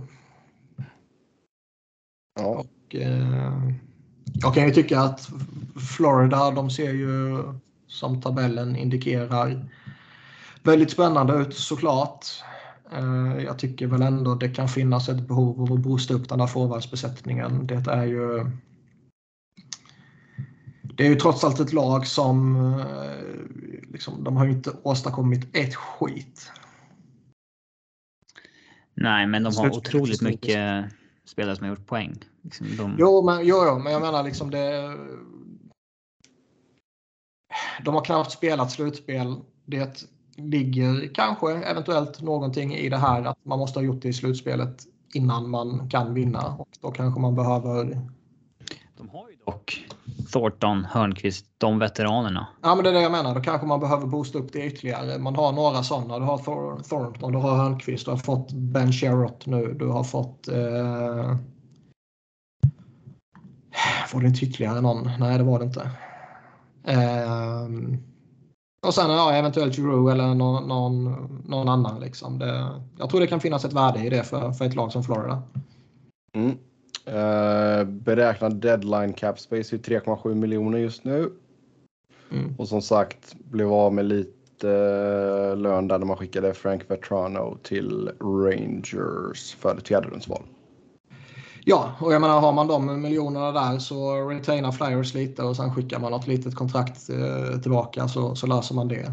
Däremot så är det ju som jag sa tidigare, Anton Lundell tror jag liksom inte är Eh, jag, jag, tror inte ens man kan liksom drömma om honom. Jag, jag, tror inte det är aktuellt överhuvudtaget för han är så jävla bra nu.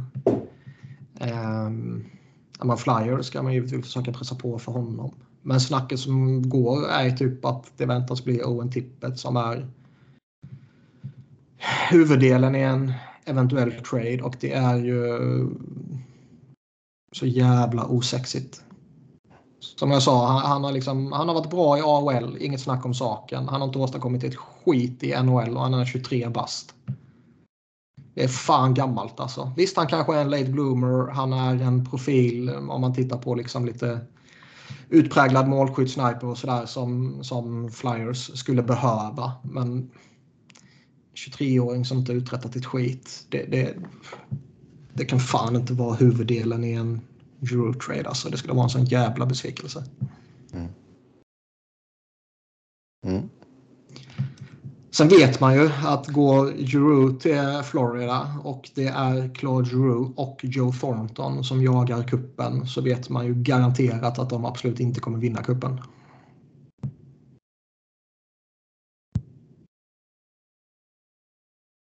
Eftersom hockeygudarna hatar mig. Ja. Ja. Vi lämnar väl Florida där och går till LA. Och eh, ja, det har mest varit snack om Jacob Chikrin faktiskt. Um, någonting förväntas man i alla fall göra när det kommer till eh, backuppsättningen. Just nu har man ju en hel drös med skador. Ehm, Um, Sen är ju bara frågan ifall Chychrun är en trade man kan lösa nu eller om det är någonting man får ta i sommar. Ja. Um, som jag sagt tidigare har de en jävla uppsjö med prospect som man kan släppa nästan vem som helst av dem utan att det egentligen påverkar talangbanken liksom. Men eh, jag vet inte om... Eh, alltså, visst, nu ligger de ju rätt bra till rent tabellmässigt, men de känns ju inte som ett lag som liksom... Det borde vara en rätt låg sannolikhet att de liksom kan hota i ett slutspel. Så är det verkligen nu de ska slänga bort tillgångar för att eventuellt... Nej, alltså det är ju... Alltså jag... För Chikrin så är jag väl okej okay med det med tanke på att han har term liksom. Jo, uh, men då kanske det är en annan grej. Jag tänker väl kanske mer rentals. Ja, men då blir det ju någon sån där alltså veteranback som de bara pillar in. Och då tror jag inte man kommer att ge upp något mer än något. Det kan ju fortfarande vara en rental som man är öppen för att signa om. Mm. Ja. Det, det, har ju vi sett förr. Ja. Men uh, nej, jag ser väl mer att det blir någon. Någon, eh, någon mindre djup i så fall. Vi får väl se, vi får väl se. Men det är om Kings. Jag, som sagt, man kommer inte sälja av något utan det är att man vill addera någonting. Um, Minnesota då, då får vi ta Tyson Jost-traden eh, uh, där. Um, tror du att han kan få ett lyft där eller? Robin? Mm. Jag tror han saknar ganska mycket egenskaper för att vara bli någon stjärna. Men eh, han kan bli den här 30-35 poäng centern. Eh, jag tyckte alltid att han var bättre som center än som vinge, men han spelade så ofta som vinge i Colorado. Men för, Flor eller för Minnesotas perspektiv så. Eh, de kanske inte tänkte resigna Nico Sturm ändå. Och så får de en möjlighet att göra en one for one med en kille som är signad över nästa år och som har ja, hög draftposition i bagaget och sådär. Att man ser väl lite uppsida. Typ så. Mm. Um, däremot så är jag ändå lite förvånad att de Alltså är det något lag som det faktiskt spelar roll att han är signad över nästa år på två mille lite mycket så är det ju nästan Minnesota. De har ju fan knappt en spänn att röra sig med nästa år och ska resigna ganska mycket folk. Det, det blir tufft. Mm. Framförallt Kevin Fiala. Framförallt Kevin Fiala ja. Mm. Men det är ju honom, sen är det ju lite De slipper ju Goligoskis 5 miljoner i alla fall. Jo, men du vet, det är han som uh, han ska signa. Nu har de uh, 9 miljoner. Och jag menar, Fiala kommer ju inte käka upp allt det givetvis, men eh, en stor del av det. Mm. Och sen så är det några spelare här och där som ska förlängas. Och jag menar, plötsligt är 9 miljoner jävligt lite. Mm. Verkligen. Mm. Så det är väldigt, väldigt tyst kring dem nu också. De, de var ju lite sådär att det rapporterades vara lite euro-intresse också för en månad eller två sedan. Men det är ju typ vad jag kan minnas dött ut liksom. Mm. Yes. Mm, då går vi till Montreal. Och eh, som sagt, man fick bra betalt för Ben Chirot man sägs vara på jakt efter Pavel Sacha och det har vi pratat om lite innan. Saka. Jag glömde av hur man uttalar hans efternamn. Um, men de har ju redan alltså, de har ju samlat på sig många pix alltså. Men det är väl bara att fortsätta eller? Ja, det är bara hårda pix. Eh, men sen så har de ju så pass mycket.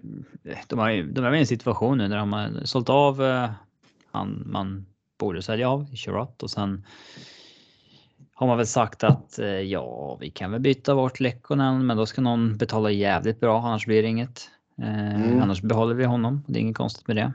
Första runt val sägs vara priset för honom. Det är också sjukt ja. alltså. Mm. Men ja, det är, de är ju i den positionen att det är det, eller så behåller vi en spelare som har varit väldigt bra. Mm. Ja, det hade varit kul att se honom någon annanstans. Ja, kanske det. Han är tämligen irrelevant givetvis. Nej, fin, fina, fina Arturi Lehtonen. Från eh, Pickeö. Pickeö. Jag tror ju annars de, det kan nog vara rätt många spelare som kanske kan vara trade-aktuella framåt sommaren. Av de som har lite term kvar om man vill rensa ut. Ja, alltså vi pratade om Jeff Petrie innan.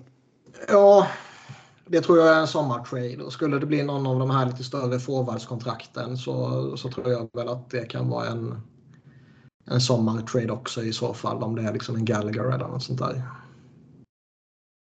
Jag för mig jag läste någonting om Christian Dvorak nu förresten. Okay. Ja, de Friedman sa någonting om att uh, eller Merrick, att det var att lagen i uh, det är några lag som gillar honom i um, vad blir det, väst där han mm. spelade förut. Mm. De har en lite bättre bild av honom än lagen som har mött honom i East. uh, typ. Jo, det kan man ju köpa. Jag ja. tror väl även Josh Andersons namn har vi väl nämnt också vid något tillfälle redan. Mm. Så visst. Det är väl inte aktuellt, men det är ett skitkontrakt. Mm. Sen kliver ju äh, Duran in på sitt sista år nästa säsong. Ja, den killen har inte blivit vad man trodde heller. Verkligen inte. Verkligen, verkligen. Alltså han har ju liksom Kommer ni ihåg när han och Domi gick till Montreal och så här, de första året? Eller andra kanske det var. Hade så här, bildade en grym första line med. Um, ja, vad var det mer? Tatar. Ja, och det var det kändes som att det här är ändå liksom. Det här är framtiden. För Montreal. Så alla mm. kollapsat. Och ja, alltså han är ju knappt knappt secondary scoring nivå på Duran senaste tre åren. Liksom. Mm. Mm. Ett år kvar efter den säsongen på 5,5 i alla fall har han. De har ju rimligtvis gjort sin stora grej nu i alla fall och det fick de riktigt bra med pröjs för. Mm. Ja, de behöver ju inte göra något mer. Alltså det är så här. Nej. Det är bara att luta sig tillbaks. Ja. Gäller att träffa rätt i trade eller i eh, draften sen bara. Eh, Nashville, vad händer med Filip Forsberg? Står skrivet här. Den är ju klurig alltså. För de är ju på en... Eh, alltså de kommer ju gå till slutspel. Alltså snacket om honom har väl dött ut lite. Men alltså, låter man honom gå i sommar? Det känns inte som att han vill förlänga där. Nej.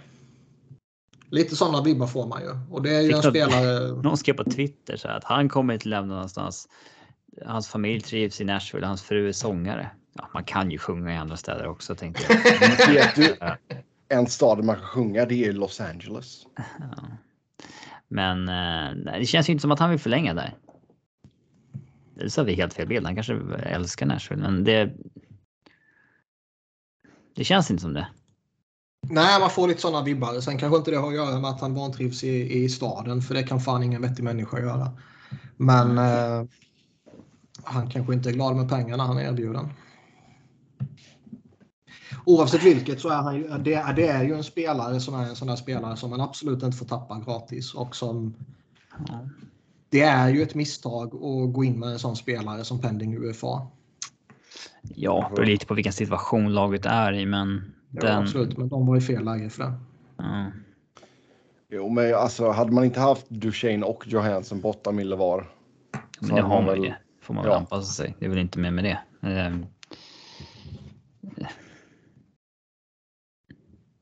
Men jag, jag har svårt att se eh, att de tradar honom nu ändå. Alltså. Uh, man pissar har... ju lite på laget då som har gjort den här liksom, säsongen. Mm. Ja. Uh, Lite så, nej, det beror ju i och för sig på vilken sorts trade det är. Gör man en vanlig hockeytrade och... Ja, men det kanske blir Forsberg mot Conor Garland. Liksom. Ja. Då... Det är ju fortfarande ett nedköp. Ja, men då får en... Jo, jo men det är ju inte bara nu dumpar liksom. vi iväg honom mot ingenting liksom. Utan det är ändå... Ja.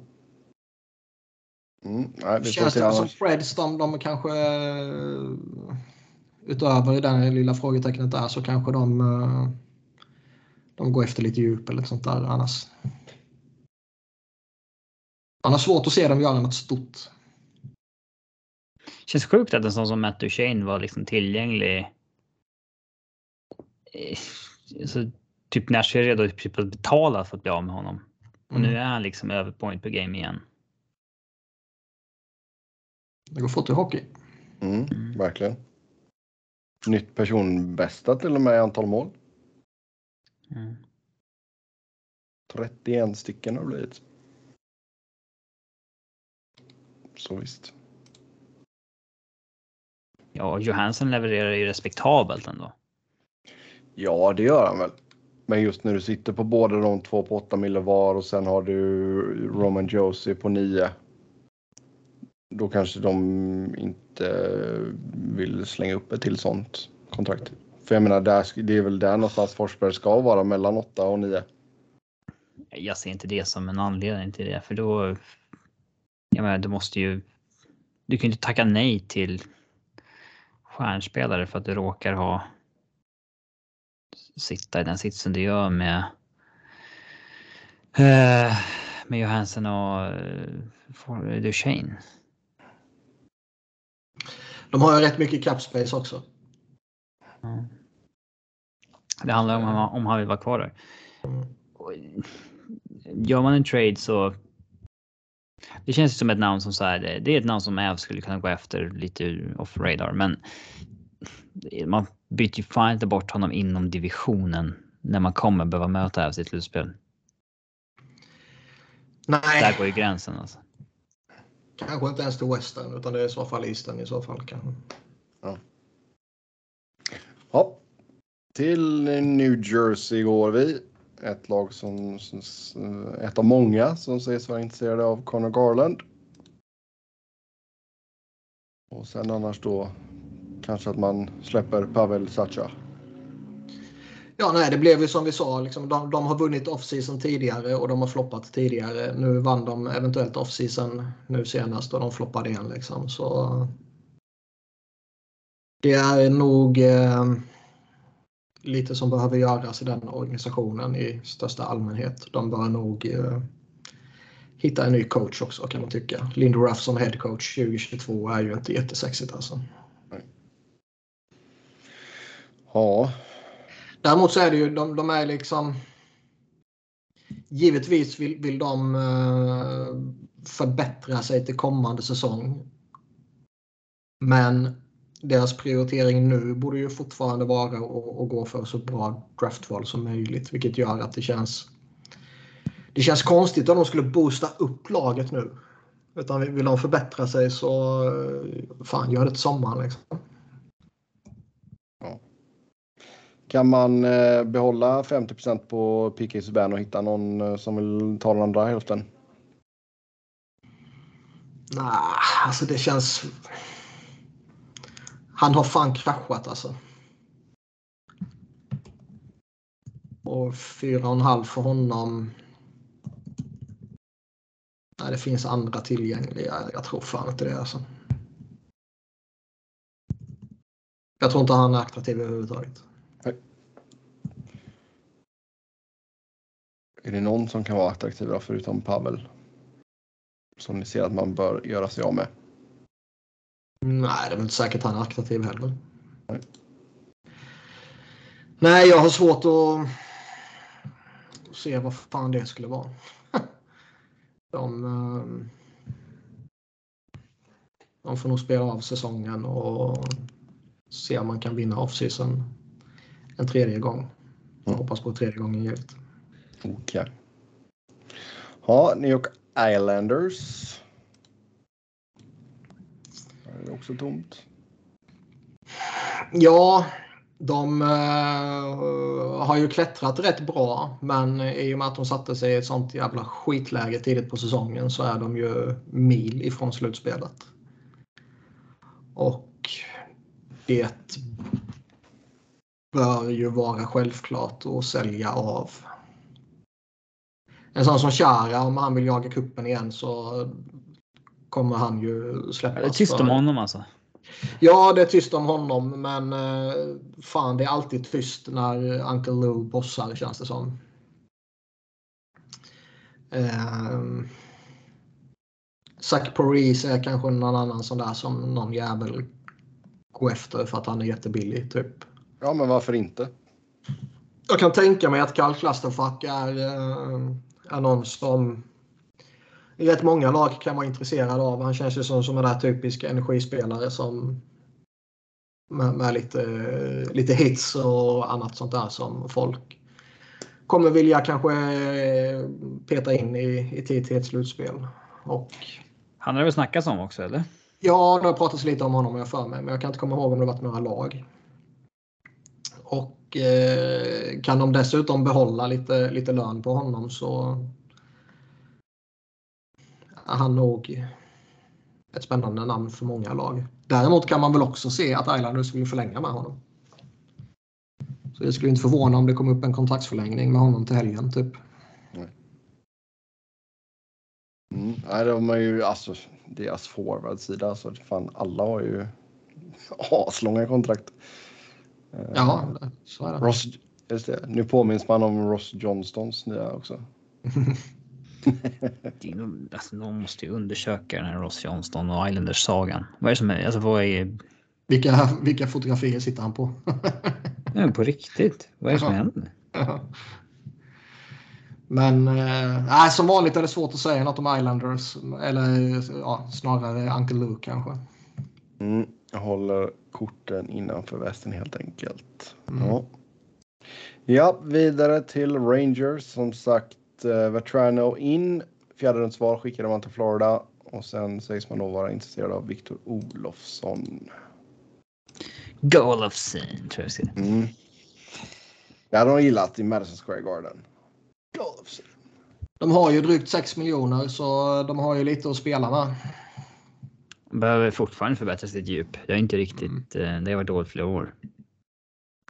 De är ett, ett, ännu ett lag som har eh, sagts vara lite sådär euro-intresserade men eh, varit tyst om det rätt länge nu vad jag kan komma ihåg. Och det är väl kanske eh, lite som, som vi pratade om innan. Det kanske är mer värt för, för Rangers att få in två bra spelare istället för en jättebra spelare. De har, liksom, de har Panarin, de har Zibanejad och de har Chris Kreider som har pissat in mål. Och det kanske räcker för att driva laget. Då behöver man kanske lite bättra på lite bakom dem istället. Så det är kanske så jag ska göra om jag var Rangers istället. Att man, man går efter två forwards som ligger på 3 miljoner ish. Liksom. Ja, Olof, Olofsson plus någonting mer. Ja, men typ. Mm. Jag tycker väl ändå försvaret, när alla är tillgängliga och sådär, tycker jag väl att den borde, den borde väl duga. Skulle inte förvåna om de tar in någon där också i och för sig, men skulle nog tycka att i och för sig, de tog in Vatrano nu så de kanske ser han som den ena från forwarden. Mm. Den var lite konstig. Han är alltså, ju han är ju streaky liksom, men alltså fjärderumsval tycker jag känns. Det känns ganska klockrent. Ja, jag menar inte att liksom, utbudet för honom var konstigt så. Det är väl mer att äh, det, det är ju ingen. Det är ju ingen succéspelare eller något sånt där, så man slösar ändå 2,5 miljoner på honom. Ja, alltså. Alltså om, om ambitionen är att göra något stort. Ja, ja, ja. Jo, så sett absolut. Men om det är så att man vill ha två mm, liksom middle six-spelare eller kanske att du vill ha någon som kan lira, ta klivet upp i första vid behov liksom. Så Vetrano plus någon, det är väl helt okej i så fall. Mm. Faktiskt. Sen är det väl bara mer frågan vad man, vad man har att ge upp, uh, så att säga. Sitter ju på två andra rumsval till exempel. Man har ju en Georgiev som uh, nog kan uh, attrahera en del också. Mm. Mm. Japp. Det... Men jag, tycker, jag tycker det varit väldigt tyst kring Rangers va? Ja, det har Ja, eh, Ottawa går vi till härnäst. Eh, Chabot borta resten av säsongen. Meddelades idag. Um, spelare på utgående kontrakt. Det är väl ingenting som uh, riktigt andra klubbar går igång på stenhårt kanske. Um, Chris Tierney, Zach Sanford. Ganska tyst om de här spelarna, men de har ju lite djup att sälja av ändå. Mm. Ja, de kommer väl kunna skaka loss lite av de här som har utgående kontrakt och få lite eh, hyfsat med pix och, och bygga på som de har ju redan samlat på sig en hel del till 2022-draften nu och eh, bör väl fortsätta göra det. Att de tappar eh, Chabot är väl bara bra för deras tank war. Mm. Men eh, det, det, finns ju inget spännande att sälja av. Och eh, man ser ju inte en, en mer hockeytrade så att säga ske heller. Nej. Ja. Så de, de är rätt eh, tråkiga faktiskt. Ja, då tar vi och kilar vidare till Philadelphia och eh, Claude Giroux såklart. Då, redan alltså, nu har vi oss. nämnt Giroux tio ja, gånger. Exakt. Det finns ju inget mer att säga. Nej. Det finns ju ett scenario som vi inte har nämnt ännu. Att han stannar kvar. Att han stannar kvar. Nu tror inte jag det. Och... sommar. Ja. Med långfingret. Dubbel, dubbelfingrarna bara. Ja, alltså nu, nu, nu, tror inte jag det. Utan jag, alltså, läser man mellan raderna och alla vibbar man har fått de här senaste dagarna och nu här idag med liksom tusende matchen i, i natt här och liksom ceremonin innan och allt sånt där. Det kändes ju verkligen som att de säger tack och hej nu. Och, alltså seriöst, det skulle inte förvåna om det här är sista matchen han, han gör i Flyers heller. Och det, det får ju en att, att gråta lite inombords såklart. Mm. Men... Det hade varit kul ifall han fick en tavla eller någonting det står Bon Voyage på.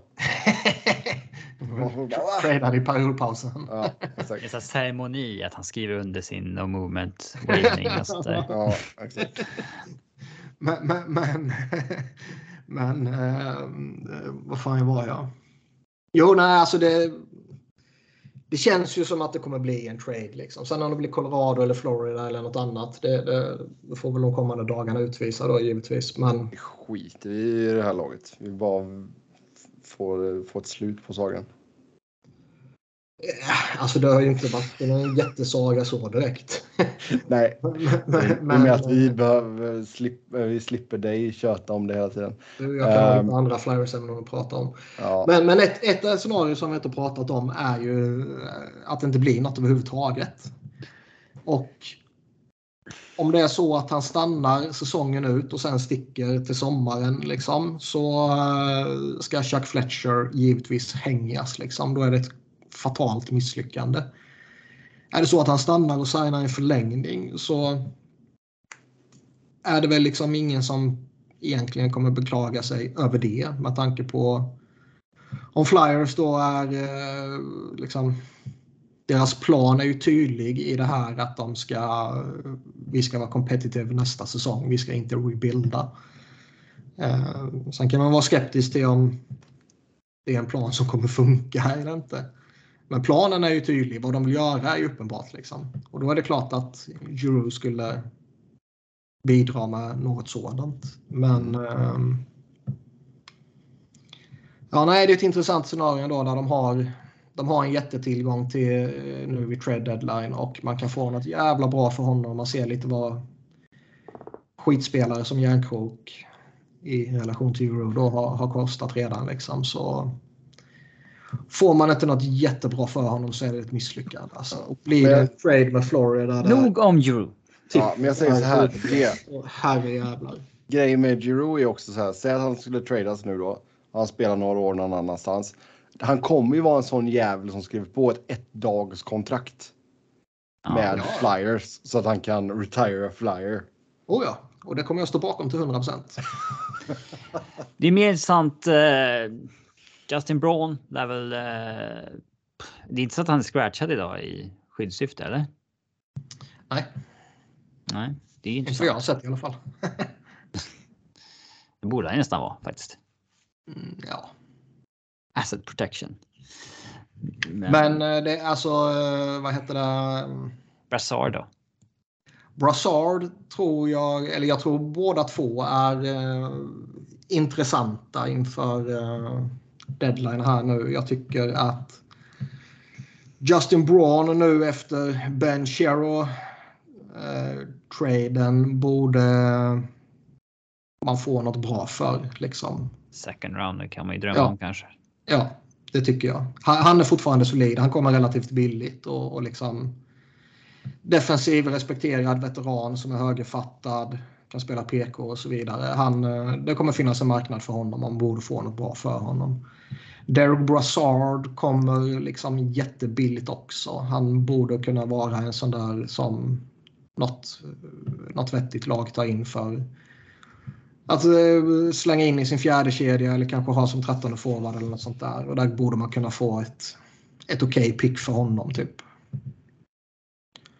Jag tror, eller jag tycker väl att man borde ju försöka allt man kan för att skaka loss en liksom Martin Jones eller Eh, som supporter vill man ju sälja allt som går att sälja. Ja, och jag menar det, det, det, är liksom det ju, allt.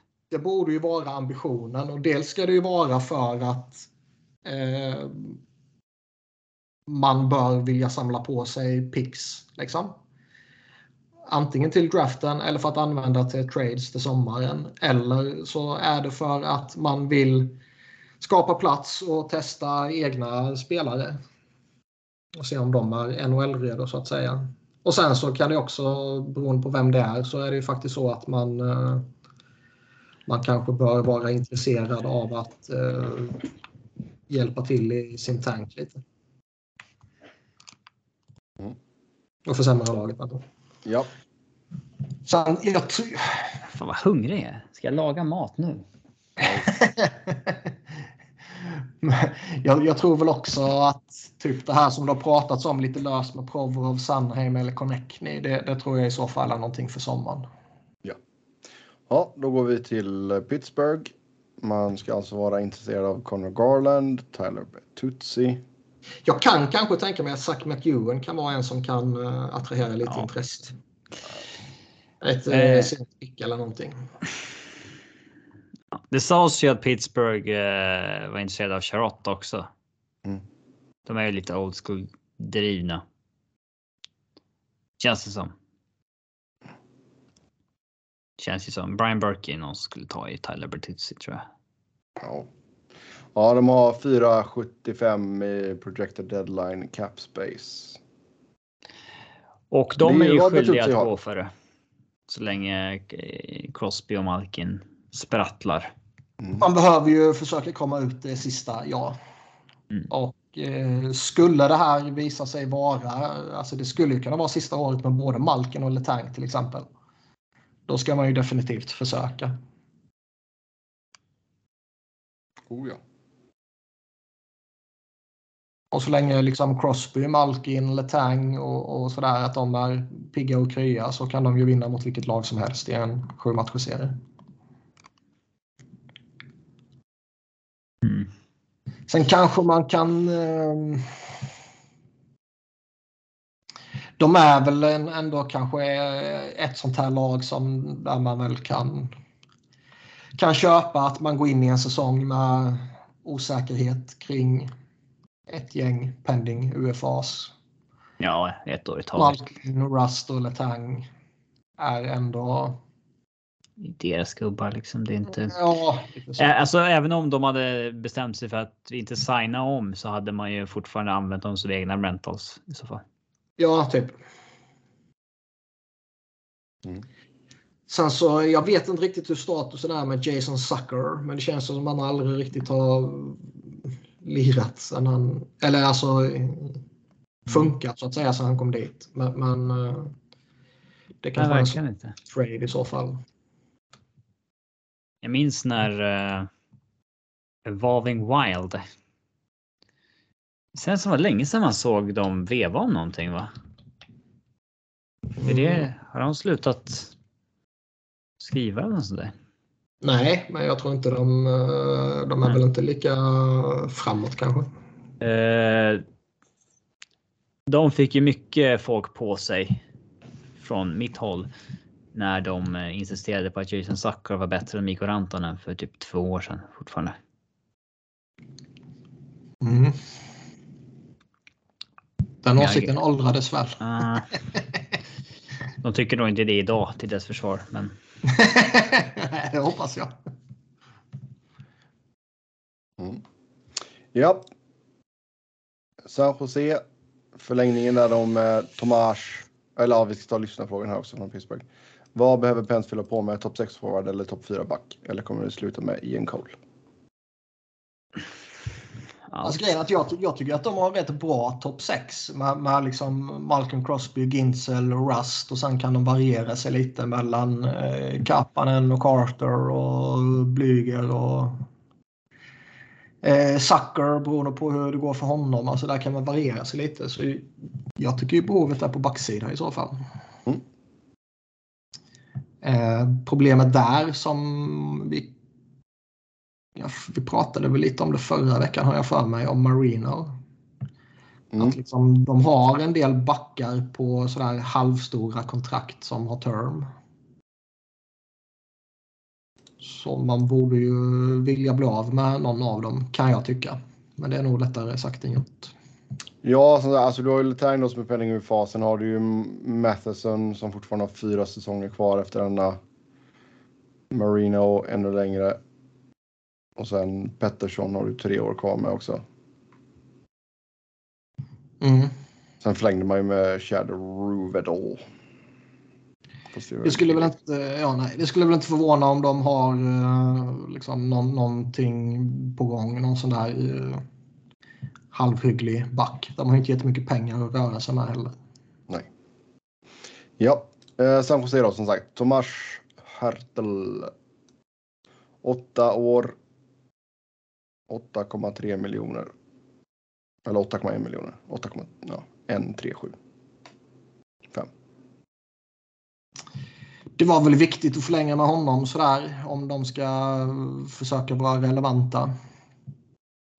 Och när man när man har Couture, Karlsson, Burns, Vlasic och sådär uppsignade på de kontrakten de har så kan man väl argumentera för att de ska fortsätta försöka vara relevanta. Och då får de väl slanta upp för Timo Meyer så småningom också. Och det bör de väl göra. De, eh, de har ju en förmåga att få sina folk till att signa på för att stanna. Ja, jag menar, ju... Tidigare var det väl enkelt eftersom de hela tiden var bra. så att säga. Men uh, nu har de dippat över lite såklart och kanske får anstränga sig lite mer. Men det ska ju tydligen vara ett uh, för jävla fint ställe att bo på. Mm. Så det, den aspekten för en hockeyspelare behöver man nog inte... Det är nog inga problem att liksom övertala dem om så att säga. Nej. Men eh, annars. Jag vet inte, det har väl. Det har pratats lite om att det typ finns ett stort intresse för Jacob Middleton. Men jag har ingen riktigt klar bild för mig för honom. Han har ju knappt spelat i ligan liksom. Jag vet inte om ni som följer Western lite mer har koll på honom. Nej. Nej, det kan jag inte säga. Det är någon LA Ja. Nej, alltså det är inget, det är inget som har stått ut. Det är, nu har inte jag sett överdrivet mycket Sharks, men. Um, jag tycker man, man har väl inte så jättemycket och ska man göra någonting så blir väl det sommar också i så fall. Känns det som faktiskt. Um, de som sitter på utgående som blir UFAs, det är ju Andrew Cogliano, Alexander Barbanov och Jacob Megna. Ja, jag vet inte fan vilket anseende Cogliano har längre. Om någon ens kommer vilja gå efter honom. Har eller hade inte han en Ironman? för några år sedan, men kanske inte nu. Har eller inte hade han en Ironman streak? Har den dött? Nej, den dog ju för han blev typ avstängd och han var ju typ eh, jätteupprörd över det för att vara hans polare. Typ, eh, vad fan heter han? Som stängde av honom. Har jag för mig. Uh, George Peros. Ja. Mm. Ja, men alltså, hade de inte stängt av för att de är måna om någons Ironman streak, alltså då. Ja, nej, nej, men alltså han, han var ju upprörd över det själv liksom. Mm. Om jag kommer ihåg rätt så var det ju så att, att det kanske inte var. Uh, eh, helt solklart om han skulle bli avstängd eller inte utan det kanske var ett sånt där gränsfall då och så hans polare liksom bröt hans Ironman streak med en avstängning. Jag har för mig det var så men eh, ibland hittar jag på saker i min eh, intelligenta men smått eh, störda hjärna. Ja, skicka videomeddelande. Suck it! See you at the barbecue on Friday. Mm. Um, ja. Ja, vi går vidare till Seattle. Som sagt, man skickade ju då Kalle Järnkrok. Fick ju bra betalt där. Uh, Mark Giordano bör väl fortfarande vara aktuell att skeppas. Där ska Toronto sägas vara intresserade. Uh, sitter ju dock på 6,75 så man lär väl få käka halva där också. Han bör ju vara med mycket mer än Ben Sherrott. Mm. Men han kommer väl gå för något liknande antar jag. Frågan är ju liksom, det, det, känns ju fortfarande som att ska man ta in Giordano och man ska få ut max av just honom liksom. Så ska man fortfarande ha typ en PP-plats för honom och låta han göra lite sådana grejer. Och det är väl kanske inte helt naturligt att han har det i ett bra lag som går efter honom som redan har bra spelare och behöver lite djup typ. Men det kanske inte är något viktigt.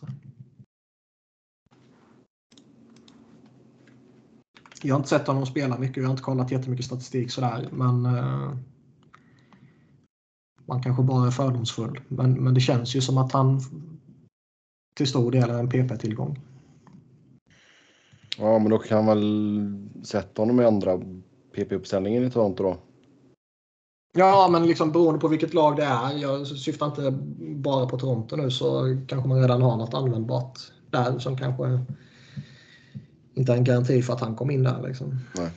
Så jag vet inte. Frågan är hur attraktiv han är egentligen. Sen är det ju så här att eh, gamla respekterade veteraner som jagar kuppen eh, och som fortfarande är okej, okay, liksom, eller bra till och med. De, de, det kommer alltid finnas en marknad för dem. Jo, men lite... premium kan man säga. Ja, jag tror speciellt då ifall de behåller hälften på honom så där bör man kunna få ganska många bra bud. Ja, alltså för nästan 7 miljoner så finns det väl inte en jävel som tar in honom. Nej. Mm. Andra penning-UFAs i Seattle det är Marcus Johansson, Riley Sheehan och Colin Blackwell. Det var ju Kalle Järnkrok som var deras stora eh, tillgång tycker jag. Även om man inkluderar Giordano. Mm. Just med tanke på att han sitter på det där kontraktet som han sitter på, Jan Kock. Uh, och det fick man ju faktiskt bra betalt för. Så Ron Francis kan väl göra någon enstaka bra grej i alla fall. Mm. Men nu, utöver Giordano nu så är det ju, jag menar Marcus Johansson är ju inte intressant. Liksom. Han kan mycket väl bli tradad givetvis och det kan väl någon annan av de dårarna också. Men av de som har utgående kontrakt så är det ju inget spännande kvar nu. Nej. Alltså Giordano är undantaget då såklart. Mm.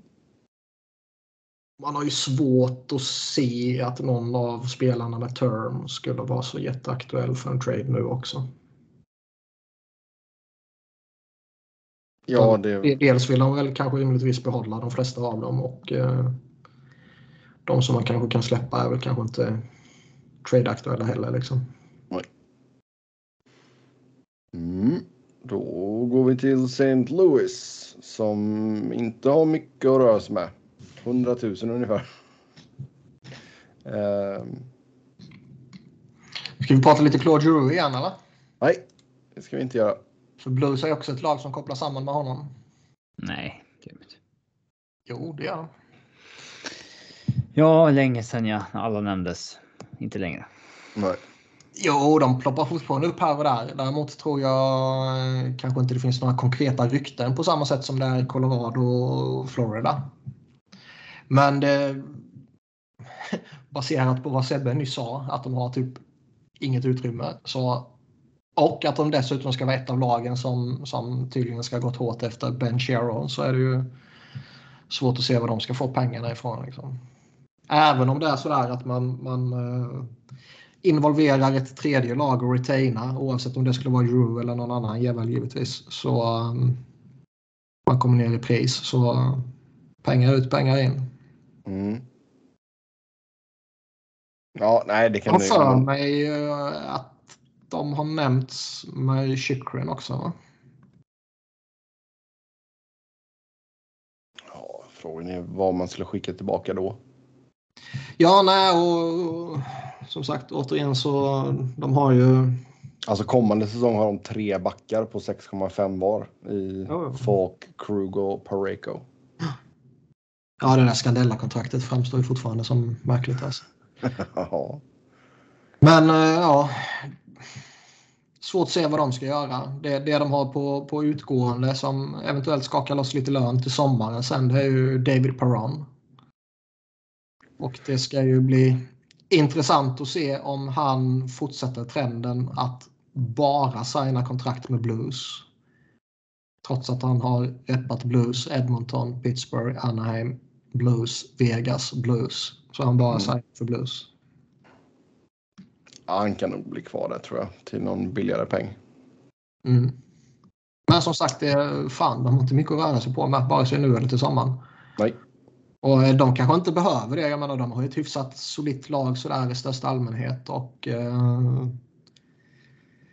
eh, jag håller väl inte dem som någon favorit inför slutspelet sådär direkt. Men eh, ställa till djävulskap i en matchserie kan de definitivt göra. Oh ja. Det kan de säkert. Ja. Regerande mästarna Tampa Bay. Noll pengar att röra sig med. Ja, men det hittar de alltid en lösning på. Det... Vart, vart ser du att man skulle behöva stärka upp någonstans? Stärka upp? Nej, de har väl. De har väl jättebra lag som vanligt. Jag kan se att de eventuellt vill, eh, vill peta in en högerback som vi har pratat om tidigare. Sergatjev kan spela där men uh, han gör väl sig bäst till vänster och har Hedman McDonough, Sergatjev till vänster och sen Cernak till höger och sen bakom honom är det suspekt. Då, då borde man väl kanske ha ett intresse av att peka in en, en användbar högerback på en billig peng. Uh, man skulle väl också kunna argumentera för att bättra på djupet i, i forwardsuppsättningen lite för de, uh, de tappade ju fan en hel kedja där i somras. Liksom. Mm. Men jag menar, går de in i slutspelet med det laget de har på plats nu så jag menar, det kommer givetvis vara ett skitstarkt lag. De är väl alltid villiga att trada sitt första om det dyker upp någonting nice, men eh, de är uppenbarligen bra på draft också. Det kan vara bra att fortsätta drafta lite. Mm. De har ju varken second rounder, third rounder eller fourth rounder kommande draft. Nej, bara frågan första. Är om, liksom. Frågan är om det innebär att man absolut inte vill släppa 22 första valet. Och som jag sagt tidigare så sägs det ju att 23-draften ska vara väldigt stark och djup, vilket det, det, då kanske man inte vill släppa första där heller. Med tanke på att man saknar andra val i 2023 också. Mm. Nej, exakt. Och ja, de behöver väl egentligen inte göra någonting. För det känns ju, jag menar, även om de skulle åka i första rundan nu så kan de ju ändå luta sig tillbaka och titta på sina två Stanley Cup-ringar. Liksom. Ja. ja, då är vi framme vid Toronto. Och eh, där ska Vancouver snacka med Toronto om Timothy Liljegren. Och sen då som vi sa innan, man ska vara sugna på Mark Giordano. Och sen är man ett av alla jävla lag som eh, har tempen på Connor Garland. Det, som vanligt så ryktas det ju massvis kring Toronto. Det sägs ju att de typ är intresserade av att göra någonting i alla lagdelar. Mm. Och det, samtidigt ryktas det om en del sådana här stora kontrakt som både penning UFAs och, och med, med lite term. Liksom. Och de har några miljoner space bara. Ja, 3,7 projected deadline space. Jake Massin väntas väl vara tillbaka innan slutspelet också så man kan inte utnyttja hans pengar så att säga. Nej. Hela vägen in. Uh, man undrar lite vilken press det finns på Toronto internt att uh, typ, nu måste ni fan göra någonting i slutspelet. Jo, men det finns det väl. Ja, det finns det väl i största allmänhet. Men, men jag menar liksom att... Eh, annars rullar något huvud. Liksom. Ja, annars kanske Brendan Shanahan känner liksom från eh, kostymnissarna ovanför honom att oh, då kan jag ligga pyt till. Och så kanske det rullar ner över Kyle Dubas. Och sen kanske det rullar ner över Sheldon Keefe. Och så eh, helt plötsligt blir alla väldigt desperata över att göra någonting inför deadline. Det är ju inte alls osannolikt med tanke på hur hypade de har varit de senaste åren och hur eh, lite de har fått ut av det i slutspelet. Mm. Så där, där, där, kan man ju definitivt se att de, eh, de försöker göra någonting. Jag läste någonting om Chara. Att det typ passar vad de brukar göra när de tar in lite sådana här respekterade veteraner för att hjälpa kidsen med Thornton och spetsa och allt vad det har varit genom åren. Mm. Men äh, nej, man skulle väl inte bli förvånad om de petar in något, något billigt i alla tre lagdelar egentligen. Framförallt backsidan och, och, och forwardsidan. Ja. Det, skulle, det skulle ju förvåna om de går, går efter något stort ändå. Alltså. Även där måste de skaka loss lite lön och de har inte jättemycket lön och de kan skaka loss heller. Det är liksom en Dermot eller Hull på ett par miljoner eller Curford på 3,5 liksom. Men mm, jag vet inte. Nej, Nej frågan är om det skulle räcka exakt. Mm. Ja. Men det, ja. Men Lilj, alltså att Liljegren kanske skulle försvinna? Ja, alltså de... Eh, jag vet inte om det är så att de inte tror på honom eller vad det är, men det känns ju som att... Kanske inte att han har kört fast på det sättet, men... Det är ju lite folk framför honom i hierarkin liksom. Jo. Han ska ju tydligen ha varit bra på sådär, så jag menar det det kan ju vara ett sånt exempel på en spelare bara som eh, eh, ja, det är lite för mycket framför honom så att säga och eh, han kan behöva ett litet miljöombyte och få en lite större roll någon annanstans och då lyfter han. Ja, skulle det... vara, skulle det vara så också att man är sugna på att ta in eh, Garland till exempel då, så kan väl. Ja, nej, där kan man ju se en, eh, inte one for one direkt, men eh, att de två är huvuddelarna kanske. Ja. Mm. Då är vi framme vid Vancouver. Som sagt, mycket snack om uh, Conor Garland. Nu när JT Miller inte verkar vara tillgänglig längre.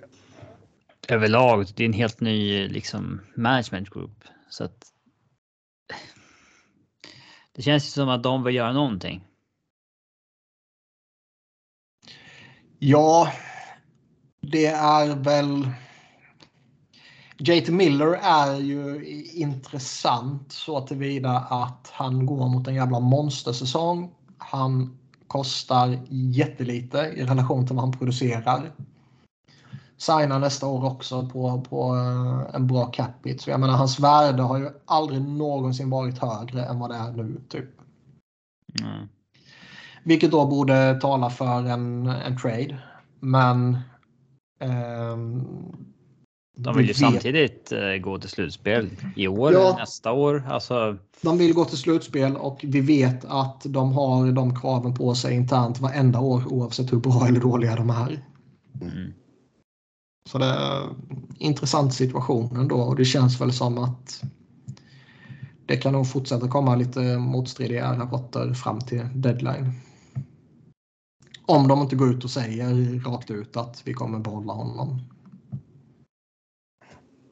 Men just, alltså just Garlands namn då som nämns uh, har ju 4,95 i capita fyra år till efter den här säsongen. Um, verkar ju vara en väldigt uppskattad spelare. Um, men kan det vara så att man, liksom, man vill göra någonting och då känner man att ja, men då är det då är det han vi kan flytta på liksom. Nej, men tittar man på de stora kontrakten de har så är det väl på forwardsidan då så är det väl han eller Brock Bowser. Elias Pettersson går väl rimligtvis ingenstans. Bo Horvath tror jag inte heller med tanke på att han är kapten och rätt hygglig ändå liksom. JT Miller har vi precis pratat om och då är det väl Garland eller Bowser då såklart. Mm. Och för vissa lag kommer det tilltala jättemycket att han är signad på en okej okay peng på fyra år till. Andra lag kommer förmodligen föredra en pending UFA på, från något annat lag. Ehm, men det är ju... Det borde finnas en marknad för honom, det tror jag. Mm. Ja, eh, ser vi någon annan? Det ser, mm. Alltså det, det, Tyler Myers namn dyker ju fortfarande upp lite då och då. Att Vancouver typ kollar om det finns något intresse för honom och han typ varit bra denna säsongen. Men eh, jag är skeptisk till det alltså. Ja, alltså jag kan ju förstå ifall de vill bli av med det kontraktet. Jo, jo, från deras håll är det ju jätterimligt. Det, inte, det var från, ja, från jo, andra ja. hållet jag syftar på. Um, men det finns många galna GM så någon jävel kan väl hugga på honom om han är tillgänglig. Annars är det väl, eh, tittar man på dem på utgående kontrakt så är det ju inte något intressant. Nej. Okidoki. Då tar och, så, vi... och, ja. och, och, som sagt, de, de, de har kontakt och eh, man är skeptisk till om de gör någonting så länge de har kontakt om det inte är en, en klassisk hockey-trade så att säga. Mm. Ja. Vegas. Vegas är ju intressanta för att de, eh, beroende på vad som händer med deras skadade spelare, eventuellt behöver skaka loss lön. Ja. Nu känns det väl som att eh, vill man så kan man ju förmodligen låta folk sitta på long term injured reserve säsongen ut. För eh, Det känns som att man, man kan alltid hitta en hockeyspelare som är skadad. Och eh, kanske uppstår inte behovet överhuvudtaget men det kan ju mycket väl vara så att de behöver ta det beslutet nu för något som eventuellt kan ske flera veckor framåt eftersom det är nu man måste ta det beslutet. Man kan inte göra det senare. Så det skulle väl inte förvåna om de skakar loss en Dadonov eller något sånt där bara för att det kanske behövs. Ja. Det sägs ju att internt så är det verkligen inte acceptabelt att missa slutspel. Nej, så är det. Um, då rullar ju De Boers huvud direkt kan vi säga. Oh, ja. Det borde du göra. Uh, och ja, det finns ju ursäkter med att de har haft mycket skador och sånt där, men samtidigt, vad fan. De spelar en jävla pissdivision också. Mm. Ska ju promenera till slutspel. Ja, verkligen. Det, det, är ju direkt svagt om de bommar där. Ja, men det, ja. Jag hoppas att de bommar. Alltså det hade varit kul att se vad som händer där då. Det skulle vara jätteskoj.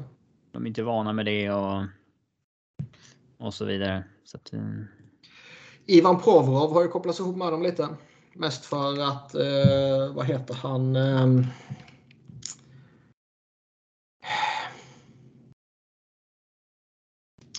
måste jag fuska. Vad heter han? Han heter... Nolan Patrick. Nej. Kelly McCrimmon han var ju i uh, Brandon Wheat Kings i BHL när, när uh, Provorov och uh, Nolan Patrick för den delen var där.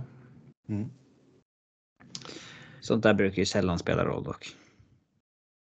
Det är ju, ja. Alltså det är ju så här, det är, det är såna connections som vi drar typ, men i slutändan aldrig spelar roll. Känns det som. Ja, kanske. Eller så spelar det roll här och där. Och det här är inte bara min åsikt, det är ju vad man har läst. Liksom, så, eh, det får man se. Men jag menar, bommar de slutspel så eh, är det väl kanske rimligt att anta att det inte bara är coachen som ligger pyrt till. Då kanske någon eh, hyggligt framträdande spelare kan offras också.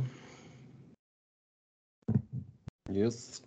Ja, till Washington går vi. Ett till lag som inte har några pengar att röra sig med. Snackas ändå att man vill göra lite grejer. Nu kommer jag inte ihåg exakt vad det här för den delen. Men det har pratats om målvakt tidigare. Och eh, ytterligare någonting har jag sett deras namn i som jag inte kommer ihåg om det var ens back eller forward nu. Men eh, de eh, kan nog tänkas göra någon liten grej. De bör ju ha slutspelsplatsen bör ju vara säkrad liksom om de inte kraschar fullkomligt. Men det känns ändå som att det är inget jättehot som ligger bakom dem heller. Så det känns osannolikt att de skulle bomma slutspel. Uh man har ju svårt att se dem ställa till någonting i slutspelet dock. De känns ja. lite, lite avslagna känns de denna säsongen på något sätt. Och visst, de kanske kan vakna till liv i slutspelet men det är fortfarande osäkert kring målvaktsparet. Alltså. Mm. Yes. Uh, ja. De åkte på en skada där på Hagelin som sagt och då plockade man upp Jonsson Fjällby. Um, Jaha. Fick vi in den också. uh, Winnipeg. Uh, intressant då som vi har pratat om innan för andra lag. Men uh, är det verkligen värt för Winnipeg att släppa honom? Svårt i de här lägena när man har hugg på slutspel. Att liksom skicka den signalen till spelargruppen att vi ger upp. Den, den är lite tuff att göra. Ja, samtidigt så. Ja, de är, de är ju lite för nära för att liksom kasta in handduken. Det gör ju. De har ju dock ett lite sådär halvjobbig situation framåt sommaren där de inte har jättemycket pengar att röra sig med och de har eh, Pierre-Luc Dubois som eh, Eh, rimligtvis ska han väl ha en liten, liten löneökning i alla fall från de 5 miljonerna han ligger på nu. Och eh, det käkar upp rätt mycket utrymme och utöver det så har de en halv forwardsbesättning de behöver signa upp. Så det kan ju vara så att man helt enkelt inte kommer ha råd att signa Kopp på, på ett nytt kontrakt och då är det kanske det, det, kan ju vara en anledning till att eh, argumentera internt att äh, vi, vi måste släppa honom nu. Så får vi någonting för det. Mm. Ja, som sagt, han bör ju ge um, likvärdigt som Järnkrok om inte mer. Um... Ja, jag tror han kommer vara jagad om han uh, faktiskt är tillgänglig på riktigt så att säga. Skickar de ut uh, meddelande i den där GM WhatsApp-gruppen att uh, kopp är tillgänglig. Så äh, då kommer det nog rassla till på äh, hans telefon. Shovel Day Offs. Mm. Han, han, tror jag liksom, Kopp är ju... Jag... Eh, han har ju, jag kommer inte ihåg ex, exakt hur det var nu men typ liksom hans vanligaste forwardspartners denna säsongen är typ Nikolaj Ehlers och något sånt där. Och det är väl eh, kanske inte det, den bästa rollen för honom. Han ska väl kanske snarare vara kanske en, en tredje kedja, ett bra lag liksom. Um, men samtidigt kan han väl då hoppa in och göra nytta om det skulle behövas för något behov. Men jag tror definitivt att typ Colorado som vi pratade om tidigare, skulle de bomma någon av de stora som de eventuellt vill gå efter och istället få nöja sig med honom så jag menar McKinnon, Kadri och Kopp är bra jävla centerbesättning. Ja. Ja. Eh... Jag slänger ett getöga på TSNs trade bait list. Det är ju typ avhandlat eh, de flesta här, men eh, alltså, vi snackade lite om Middleton förut. Han ligger ändå sjua på deras lista. Um, mm. Colin Miller ligger på plats nio. Honom glömde vi nämna. Han skadad mycket va? Ja, Nick Paul ligger på elfte plats. Jag vet inte hur, hur utformar de tradebait-listan? Ja, jag vet inte. Arizonas Capspace, plats 21. Men liksom eh, utformar de den efter bästa available? Men det frågade du förra gången också. Vi vet inte. Nej, alltså det, en sån lista kan ju vara superrelevant för att den baseras jättemycket på vad de hör. Alltså man, Eller... man höjer ju på ögonbrynet när de lyfter en spelare jättemycket över en kväll. Ja. Mm. Men... Sam, samtidigt kan det vara lika relevant som om jag skickar ut någon motsvarande lista. Liksom. Det är skillnad på... Det känns ju som att det är någon form av blandning av uh, skill och sannolikhet till trade. Och sen någon form av liksom index de får fram där. Typ. eh, för det finns ju riktigt bra spelare långt ner där sannolikheten är låg till trade. Liksom. Mm. Så att, eh, mm. jag, vet, inte, jag vet inte om det är mer relevant med plats 44 Paul Stastny än det är med plats liksom 11 eh, Nick Paul. Jag vet inte. Nej. Plats 40 Buffalos Capspace. Så vi har två stycken Capspace på listan och sen Tampas första val är på plats 29. Sen kan man nog slänga in en Kanada-faktor också. Oh, Driva oh, lite ja. trafik och så vidare. Ja, oh ja, herregud. Mm. Tycker de bara blir mer och mer äh, kanacentriska om man säger så. Fast de tappade väl rättigheterna också så det är väl rimligt på ett sätt. Då måste man driva trafik på, på ett annat sätt. Mm. Mm. Jo, det är helt sant. Ha. Eh, övrigt här då. Flera lag ska tydligen vara intresserade av Eric Stahl. Måste han ge några waivers också? Var det efter hans monster uh, out i OS? ja. Eh, ja, det måste han väl. Mm. Men jag vet inte, alltså. Snackas väl lite om James Neal också som röjer runt i AHL. Alltså, jag har missat. Sarah Wallis Twitter. Han hade mm. nio mål på elva matcher eller någonting nu i AHL och any takers at the deadline. Typ. Mm. Mm. Ja, men det var lite så. Jag läste någonting också. också. om att typ, vissa av de här som har lämnat KL nu kanske kan uh, söka sig till NHL redan nu. Ja, vad har vi på KL bait-listan? Nej, det gör vi inte. Nej, men det finns ändå typ liksom en Wallmark, liksom, Jocke Nordström. Bara mm. några av svenskarna som man har koll på som... Men så istället för att pröjsa ett pick för någon likvärdig så. Mm. Men en sån, alltså, jag, jag menar, skulle Boston signa David Krejci som vi pratade om tidigare så och liksom han ändå är tydlig med att det är Boston eller inget. Då, då tror jag ändå han kommer liksom gå igenom utan att någon plockar honom. Liksom. Men eh, någon random jävla snubbe som typ Lukas Wallmark kan ju definitivt något annat lag bara kliva. Mm. Ja. Men det kan ju vara värt att chansa med det eh, nu och sen ser man om det går igenom och går det inte igenom så får man göra någonting med deadline.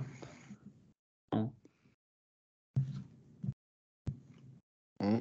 Eh, mycket riktigt, mycket riktigt.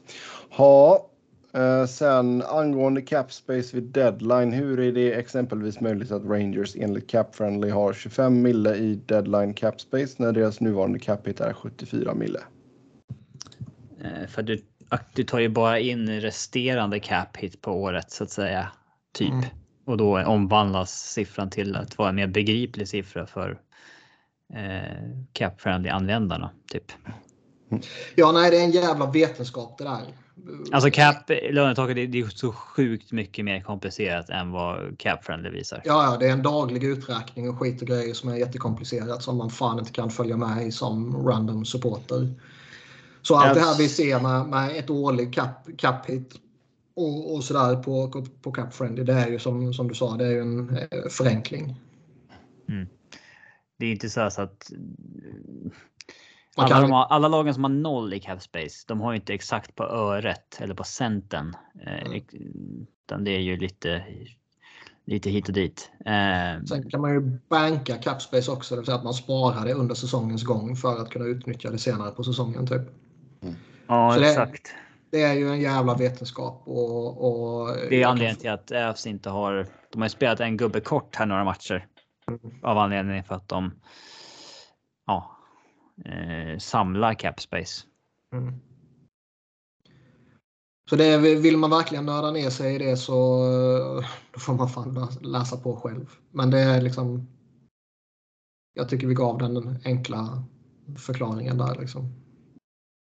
Mm. Yes.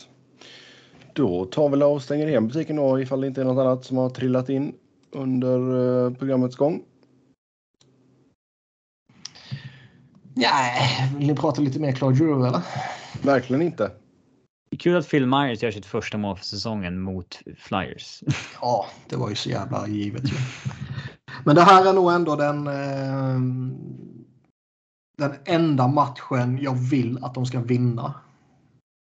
För att Giroux... Eh... Giroux tusende match, inte för att Phil Myers gjorde mål. Och hans sista i Flyers. Ja, nej alltså. Innan han skrev på sitt endagskontrakt. Tänk om han blir skadad nu och sen går det sommar gratis. Han uh, åkte ju på en tackling där han uh, såg ut att få lite ont. Så det, visst, det skulle väl vara typiskt. Men eh, vad har de? De spelar två matcher till. De spelar i morgon och sen spelar de på söndag mot Ottawa och Islanders. Ottawa är väl kanske helt eh, smärtfritt att spela. Men man kan ge sig fan på att spela han mot de jävla dårarna i Islanders dagen innan trade deadline så kommer han bli skadad där. Mm. De kommer att jaga honom. Så jag kan absolut tycka, alltså, är, är det så att en trade ligger nära till, då behöver man ju scratcha honom i de här två matcherna. Man kan verkligen inte fucka upp en sån trade oavsett om det är att den blir av eller inte blir av eller utbytet i den. Och blir det Owen Tippet som är alltså, fy fan vad deprimerande. Usch. Ja. Då nöjer vi oss helt enkelt. Vill ni köra hockey med oss så går det bra att göra det via Twitter. Mig hittar ni på Norden. Niklas på ett Niklas Wiberg, Niklas med C, Wiberg med enkel V, Robin på R underscore Fredriksson, podden på SV Fans NHL podd, podd med ett D. Tills nästa gång, ha det gött. Hej!